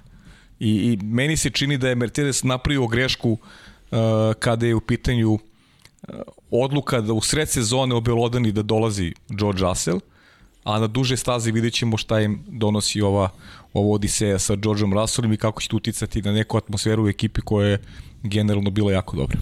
Mogu da iskoristim priliku, Vanja, možemo da pustimo još jednu stvar koja nije reklama, ali vas molim da obratite pažnju. Ovo je meni važno, svima nama, ali tako, ima nekih momenta koje želim da iskoristim u celoj ovoj priči. Može, Vanja? Izazovi osoba sa hendikepom nisu samo barijere i predrasude, već i društvo koje nema svest o njihovim pravima. Preko 70% osoba sa hendikepom u Srbiji nema vidljivi hendikep i ne može da ostvari pravo na podršku. To je više od milion ljudi. Osvesti se. Srbija bez milion nas. Ovo je ekipa inače studentskog udruženja osoba sa hendikepom i mi im pružamo podršku i oni nama, rekao sam i prošli put, bili su su predivni, kupili su majicu kada su čuli da nam je ukradena oprema u Austriji, tako da, hvala ali ovo je najmanje što mi možemo da uradimo, da podignemo svest o tome. Hendikep nije nešto što je vidljivo, dakle stres može da bude nešto što prozorkuje hendikep, to je neuroza, na primjer, ogroman pritisak i na ljudima generalno, zato i pričamo o nekim stvarima koje su šire od samo Formule 1, prosto ovde imate tri prijatelja koje sede i pričaju onome što vole. I to je suština svega ovoga što mi radimo, zato studiju izgleda ovako, zato posvećamo pažnju stvarima koje mi verujemo da su vredne spomena, zato pružamo podršku i nekim čudnim idejama, ne ovim, ali ko nam se javi, bilo je svega, došli nam momci pre sedam dana ovde pokucali. I znaš pa je za to? Ne znam. Nisi mi to pričao. Deki to, ja, momci, to momci poku, pokucali već mi zvuči onako... Mi mislili da teruju neki dugove, dugujemo pare nekome, ne, ne sećam se da dugujemo, njih trojica ušli, I dobro večer, dobro večer, mi došli, znamo da ste tu i tu i mi svratili, znamo da je emisija u toku. dobro večer, dobro došli, šta da kažem. Pa super. Ništa, lepo su vratili, pozdravili se, fotografisali se i javili se, tako da pozdrav za ekipu, pa pozdrav za sve. Gde god da ste, šta god da radite, uvek možete da uradite nešto lepo, prosto da, da, da učinimo planetu lepšom. Ako mi zajedno se ljudi ne držimo, nik, neće se niko držati zajedno, zato pričamo sve ove priče. Lako je podeliti ljude, ali ujediniti ih je, to je ono što je lepota Formula 1 i Moto Grand Prix-a, da možemo da gledamo ovakve sezone i opet ostajemo dostojanstveni u svemu i da kada su dueli u pitanju možete da vidite ono što je u Kataru meni bilo divno, a to je zastava Holandije, pored zastave Velike Britanije, pored zastave Meksika, pored zastave Srbije. Inače, Boris Trutin je poneo zastavu od 5 kvadratnih metara, nisu ga pustili, rekli su prevelike, preveliki simbol može manja zastava, pa je došao s manjom zastavom, jer ako dolaziš u goste, dođeš sa pa, pet, pa naravno. Čovjek normalno pa... Pa mislim da je kupovo na kvadraturu i, i, i baklave. Pa, da, pa vidi. Ovdje ima pa, pola kvadrata baklava. Poješće se, Borise, nemoj ništa da brineš. U, kako ste pojeli ovaj srednji red? Šta je ovo? Pa neverovatno, samo ove s pistaćima je pojedene. Ljudi, ovo morate da vidite. Eto, ostao ti je jedan. Stidak. Čuvamo tebi. Čekaj, tek, tek smo počeli. Polak. Termiti su napali sredinu. Pa neko mi ovde poručio pozdrav Formula 1 fan, kaže, nadam se da su ti glašne dizrice kao Hamiltonove gume. Pa mogu vam reći, ove baklave nisu. ove baklave su stradale po sredini, ali dobro. Lepo se zabavljaju moji kolegi. Ništa, sledeći put ćemo će opet da donesemo. Dakle, Pošto vjerojatno nećete izbaciti crvenu majicu sa zelenim lep, pitajte Dekija, bili prodao ono što je nosio u podcastu broj 78. A ne, nju, nju ramljamo kad Ferrari pobedi i stavlja e, da, moje ovde u studiju. Bio. Da, da. To si rekao bio, da. da. Znači čekat ćemo 2022. E, Ko čeka, dočeka. Tako kako. je, ali ja, taj zeleni lep doći će mi glave. E, kada spominjete shop, čekajte, čekajte, kada spominjete shop, ovo je još jedna knjiga, čekajte, postavit vam obe knjige. Za sada su dve, ko zna koliko će ih još biti. Još neko vreme moram da ćutim, ali dobro, uskoro ću moći da prestanem da ćutim po pitanju knjiga i tako. Možete samo da nagađate. U svakom slučaju mi volimo knjige. Evo je, evo ga prvi link. Schumacher, crveno i crno, gospodin Dejan Potkonjak, autor, imate ga u sred studija i da, možete da tražite autogram, tako da znate, samo napišite u napomeni, i, ali to je lepo zaista i, i, i Deki napisao je jedno mnogo lepo delo, tako da nije poslednji, ja se nadam, ali dobro, to sad vi vršite pritisak na gospodina, to stoje na vama. O Joe Barrow. O, Vanja. O, o. Ej, pa nema još o NFL knjizi, knjigu u NFL. Ali prvi da izdaš o Joe Barrow i da je prevedemo na engleski. Tako da znate. Da, inače, evo poruka, odmori malo Srki. Kada stiže knjiga Rosija, stiže 15. decembra bi trebalo da izađe iz štampe. Uzmite obzir, i ovo sad nije šala, prvi put da osjećamo probleme globalne trgovine. Papir, skače cena papira i to su sad ozbiljni problemi gde ranije nismo ni razmišljali o tome da, da, da neke stvari Nisam samo što skače cena, nego što i nestašica. Nestašica, da ljudi, to, to uopšte nije šala. Deki, ti znaš mnogo više o tome, ali takva situacija da, da niko ne može da vam garantuje kada će se nešto isporučiti i desiti. Prosto je nemoguće postalo. Makar je to ta trenutna situacija. Crki, imaš skoro srebrnu bradu, za koga navijaš? Sa srebrnom bradom, pa mogu samo za Kimija da navijam. Ili on ima sedu kosu sada već? Ja mislim da mu se mm, pojavljuju sede. Ne, to samo ja sanjam. Ne, ne, ne. Navijam za Paju Živkovića. Evo, Hvala on ti. ima 35 i... Ili si rapuni 35? Sa sledeće nedelje. sledeće nedelje. E da, kad ti je rođendan? U januar. U januar, dobro. Dobro. Sledeće nedelje u januar. Sledeće nedelje u januar. Ok, imate još neka pitanja, ljudi? Ja imam ovde jedan ludi predlog. E da, Moram. Emil, izvini, Mogu, Čivić, samo samo da odgovorim. Da li je tačno da je Hamilton koristio stari motor na ovoj trci, a on iz Brazila čuva za ove dve tačno, da. Jeste tačno. To je potvrdio im tim Mercedesa. Izvini, Deki. Dalibor Vasić predlog. U naredne dve trke u podcastima Dobro. da Srki i Paja budu predstavnici Mercedesa, odnosno Red Bulla, s tim da menjaju ekipu od jedne do druge trke i da po pola sata Paja priča o Mercedesu, da ne spominje Maxa, a da Srđan priča o Red Bulla, da ne spominje Luis. I onda da zamenite uloge za poslednji podcast. čekaj, čekaj. Da li je moguće to izvesti? Da li je moguće? Ja sam, ja sam i dobio predlog da, da imamo kamere uključene u kabini da se snima kako ovaj, emocije ja, kad komentariš. Hoćeš da radimo live? Da pustimo kameru live kako komentarišemo? Možemo, možemo. Dobar predlog. Pa dobro, pazi, to moramo da imamo sa, sa znaš već kime. Pa da se poslednja trka sezone. mislim da mu mislim da trka sezone. Mislim da mu neće smetati, da, da, da. Neće, pa dobro, neće. možemo da pitamo. Jeste poslednja trka sezone. Pa da. Dobro, za to, za to ajde sačekamo prvo pred poslednju trku sezone. Pa da. Da vidimo da li će zaista poslednji odlučivati o šampionu. Ma hoće sigurno. Go, gotovo sigurno, ali hajde da sačekamo. Znaš, da, jer mi to nekako već vidimo kao... I onda kao... kitimo Jelku posle. O, kitimo Jelku na podcastu. Live. Live. Podcast, pa da. Može. A može. Je dogovoreno? A dogovor. Dobro. Evo, Don Pablo se hvata za glavu. Znam i ko će da kitija Znam ko neće. Nemojte ništa da brinete. Sve jasno kao dan. Taj veseli osmeh je tu. Ali dobro. Možda je ono stoto izdanje da, da napravimo. Srđene, pred novu mislim, godinu, to je, taman, šta mislite o tome? Ja već znam neke koji bi se rado priključili, ali to treba da se... Ja više ne znam šta je Ne, ja više ne znam šta je stoto izdanje. Ko to stoto, zna, sto, Stoto je ono kafansko. A kafansko? Kafansko. kafansko. Da, da, da, pa sad je atmosfera. Ja mislim da je sad pravi pa, moment. Pa jest, jest. Kafansko jest. izdanje da napravimo. Kad završi sezona i treba napravimo kafansko izdanje. I ja mislim da znam i gde. I ja... Znači ja ne moram da se uključimo kod au, izbora lokala. Au, čekaj, pišem Sjajno. odmah ali bukvalno pite, pišem odmah. Ili smem da znam ovaj, lokaciju ili ne? E, a pa ajde da, da, da mi potvrde. Ajde da ti potvrde, ajde. Ne, da, ne, nemam ništa protiv, da, okej, okay, ajde. Šta god da je Zaista, lokacija. Nije bitno lokacija, ljudi su bitni, to je, tak, to je važno. Je, tako je. Ima veze sa, sa jednim našim bivšim kolegom. Nemo da otkrijemo lokaciju, pa posle bežimo ko Beatles. E, tako je, tako je. Sa našim bivšim kolegom? Da. Ne mi mozak. Evo pišem, Lab 76. to ti od šećera. Ubio me šećer. A i ovaj čaj, nisam naviku na čajeve, ne, ja ne pijem čaj. Pa to ne znam šta mi bi večeras. Baš ubitačna kombinacija. Da, čaj i šećer, katastrofa. Ok, imamo ovde zanimljiv predlog, e, nešto mi još pišu. Piši, piši mi. E, da li je ovo vesta neka ili da vidimo šta kažu? Dobro, dok se otvori, da, dok mi stigne. Ali dobro, imate još neko pitanje, ljudi? Čekaj, verovatno imamo, ajde, mislim, dežurimo. Gotovo sigurno. Samo da im. Čekaj. E, bila je još jedna donacija, čini mi se da smo to propustili. Jao. Da li ste videli istoriju od Kimije kako sam sebi menja točkove? Jao. Šta vi? Ne, ja ovo moram da ubacim. Ne, Vanja, ovo moraš da ubaciš. Znači, istog sekunda, molim te, Vanja, Vanja. ovo je jedna od najlepših stvari koje smo ikada dobili. I ljudi, stiže novogodišnje... Čekajte, ljudi, ne idite. Da raspolož, nemojte da idete. Ne, ne, ne, Imate pa razlog- ne, ne, ljudi, pa ne žurimo stiže nigde, ljudi. praznici, ima da se zabavljamo. Kad prođu trke, pa znaćete opet gde ćete da bude ekipa koja će pričati o Formuli 1. Čak i kad nema šta da se priča, ima šta da se priča. Izmislit ćemo priču. Izmislit ćemo dobru priču. Konačno to smo radili godinama.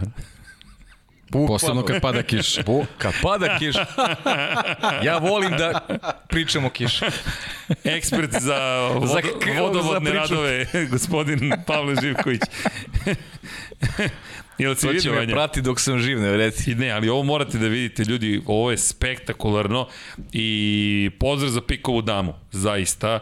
Ovo je predivno. Pogledajte ovo, ljudi. Mora staviti naoče, ne vredi. Pitanje je da li kitimo jelko ove godine i da nam pošalju Lab 76 inspirisane ovogodišnje ukrasi za materske kućne radinosti, čekajući da počne trka. Sjajno. Pa ja nemam, ja nemam reči. Pre dva dana ovo nisam video, švrćkam se tako po, ja ovo je predivno. Happy New Year 2022. Jeste, sjajno. Pa ne, mi se, Pikova dama, javljamo se. Ja, ovo je predivno. Javljamo se, pa znate šta, možemo, ajmo mi da, da pomognemo Pikovoj dami, da mi ovo otkupimo i ubacimo u prodavnicu kod nas i da, a to, to. Tako je. Razum, sve smo se razumeli. Ja, ovo je predivno. Bravo, Pablo. Pablo, Don... Bravo, Pablo. Zašto se ti zoveš Don Pavle na španskom? Pa Od ima tu neke... 2022. Ima tu neke simbolike. Čekaj, koje bi Dejan bilo ime u španskom? Don Julio. Don Juan. Publika Da, dobacuje Don ovde. Juan. ja nisam rekao. Moi. Don Juan. Ok, 2022. Don Juan radi ovde. Don a, Juan. Da, Vanja, ti bi bio Don... Don... ne, O, Don Ivan je stigao. Kažu da je to... e, Opa! Don Ivan, naš pokrovitelj je stigao, gospodin Ivan Toškov, pozdrav. I tako.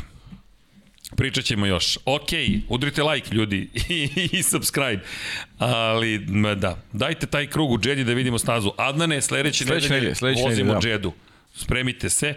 El Diablo, El Diablo sledeće godine, ne Don Pablo, nego El Diablo.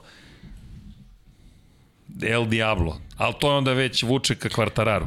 Radomir Ivanović, pađe pitanje. Da li bi mogli da prevod knjiga sa vašeg stola u vašem izdanju? Super predlog za live prenos. Ko, ko, ja čujte, ne. Radomire, Radomire, dobro pitanje. polako.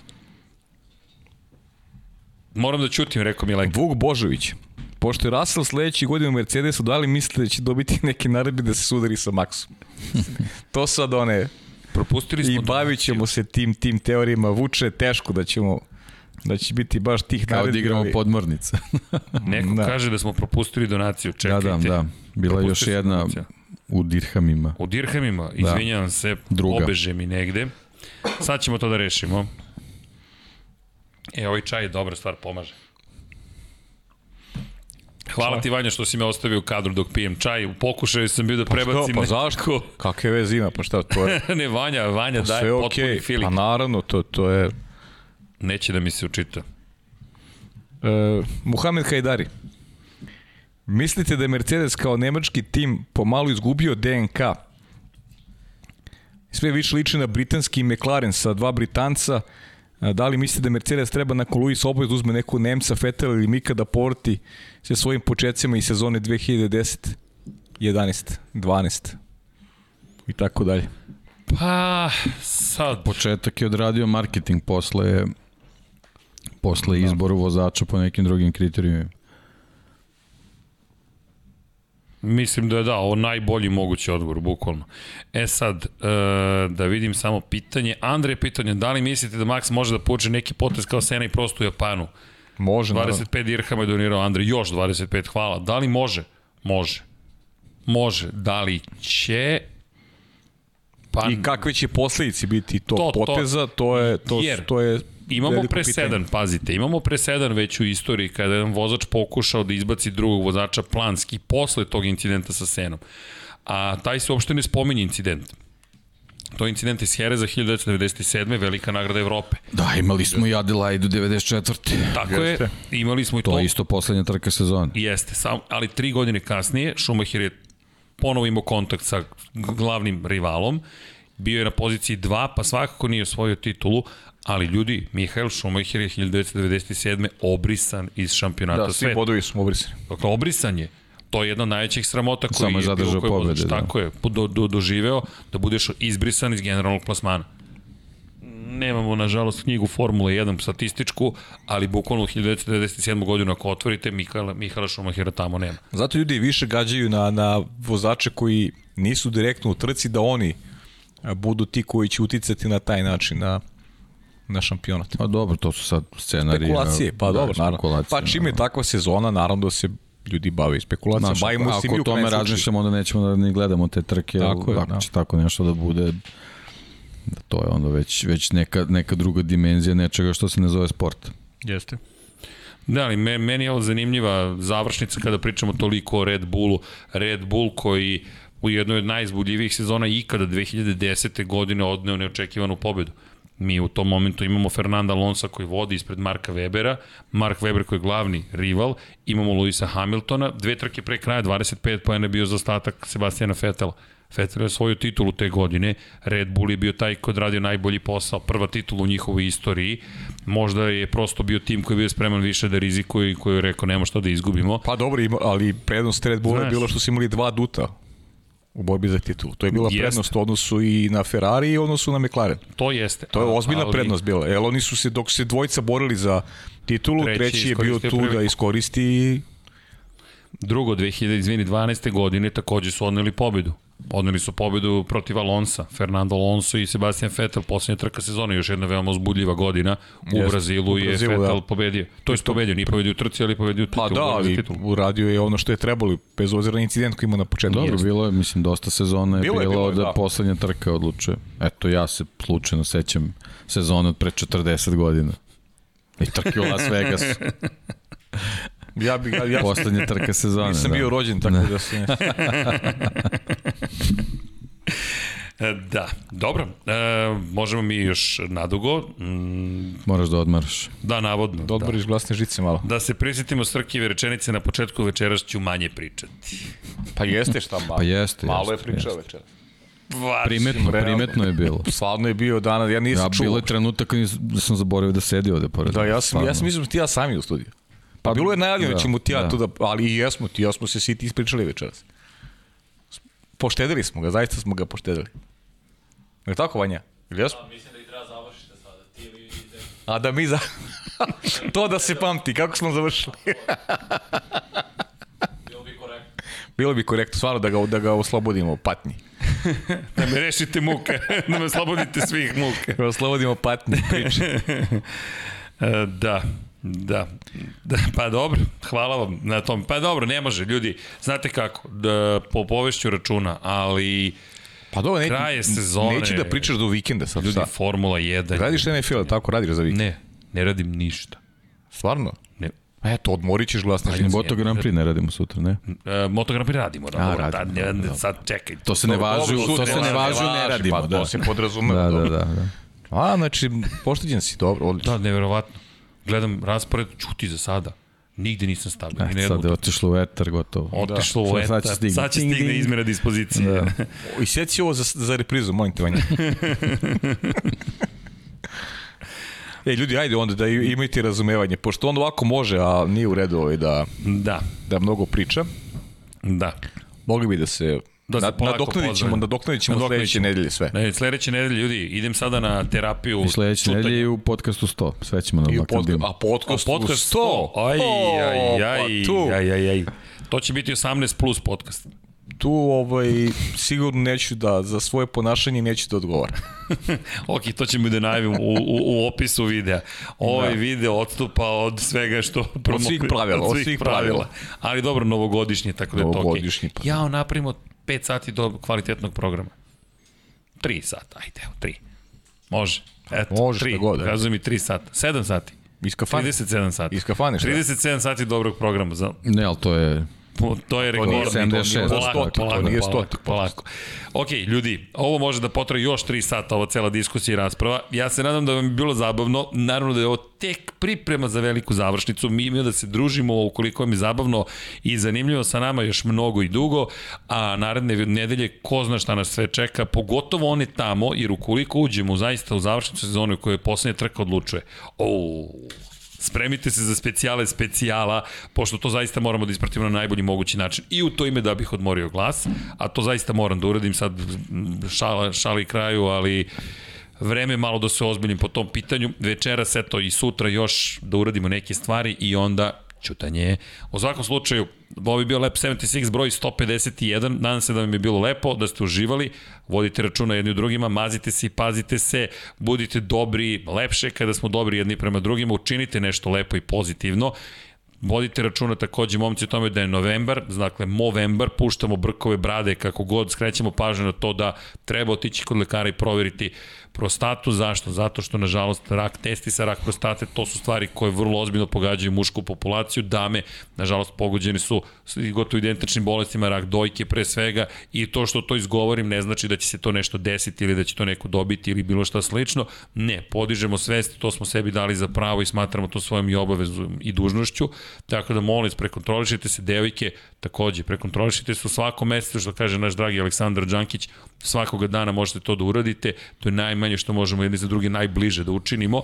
Takođe, budite prosto lepo raspoloženi, ukoliko vam je loš dan, upalite, ne znam, Lep 76, 99 yardi, Kosmos 76, nismo ga davno snimali, imali smo raznih obaveza, ali bit i toga, tako da budite uz Infinity Lighthouse, udrite like, udrite subscribe, posetite naš shop, kupite majice, kupite knjige, ne znam, za razveselite, za razveselite se za praznike, mislim da to može da bude lep, zabavan poklon svakako, a nama znači zato što je lepa podrška, patreon.com kroz Infinity Lighthouse i naravno mi ćemo 917 na 1033, 11.78 takođe da pomognemo i Luki, ali pokušamo Branko da pomognemo već duže vremena, ne bi, se, ne, ne bi li se nešto desilo, pokrenulo i pokušali da spasimo, pokušamo da spasimo momku, vidi da mu omogućemo da ima lepši prosto kvalitet, viši kvalitet života i to je najmanje što možemo da uradimo. Tako da vam želim lepo i laku noć, mazite se, pazite se, budite dobri, vodite računa, vozite računa jedni drugima i naravno u ime cele ekipe moćemo zajedno, drugari. Deki, lepo odjavili smo ti emisiju. Da, da,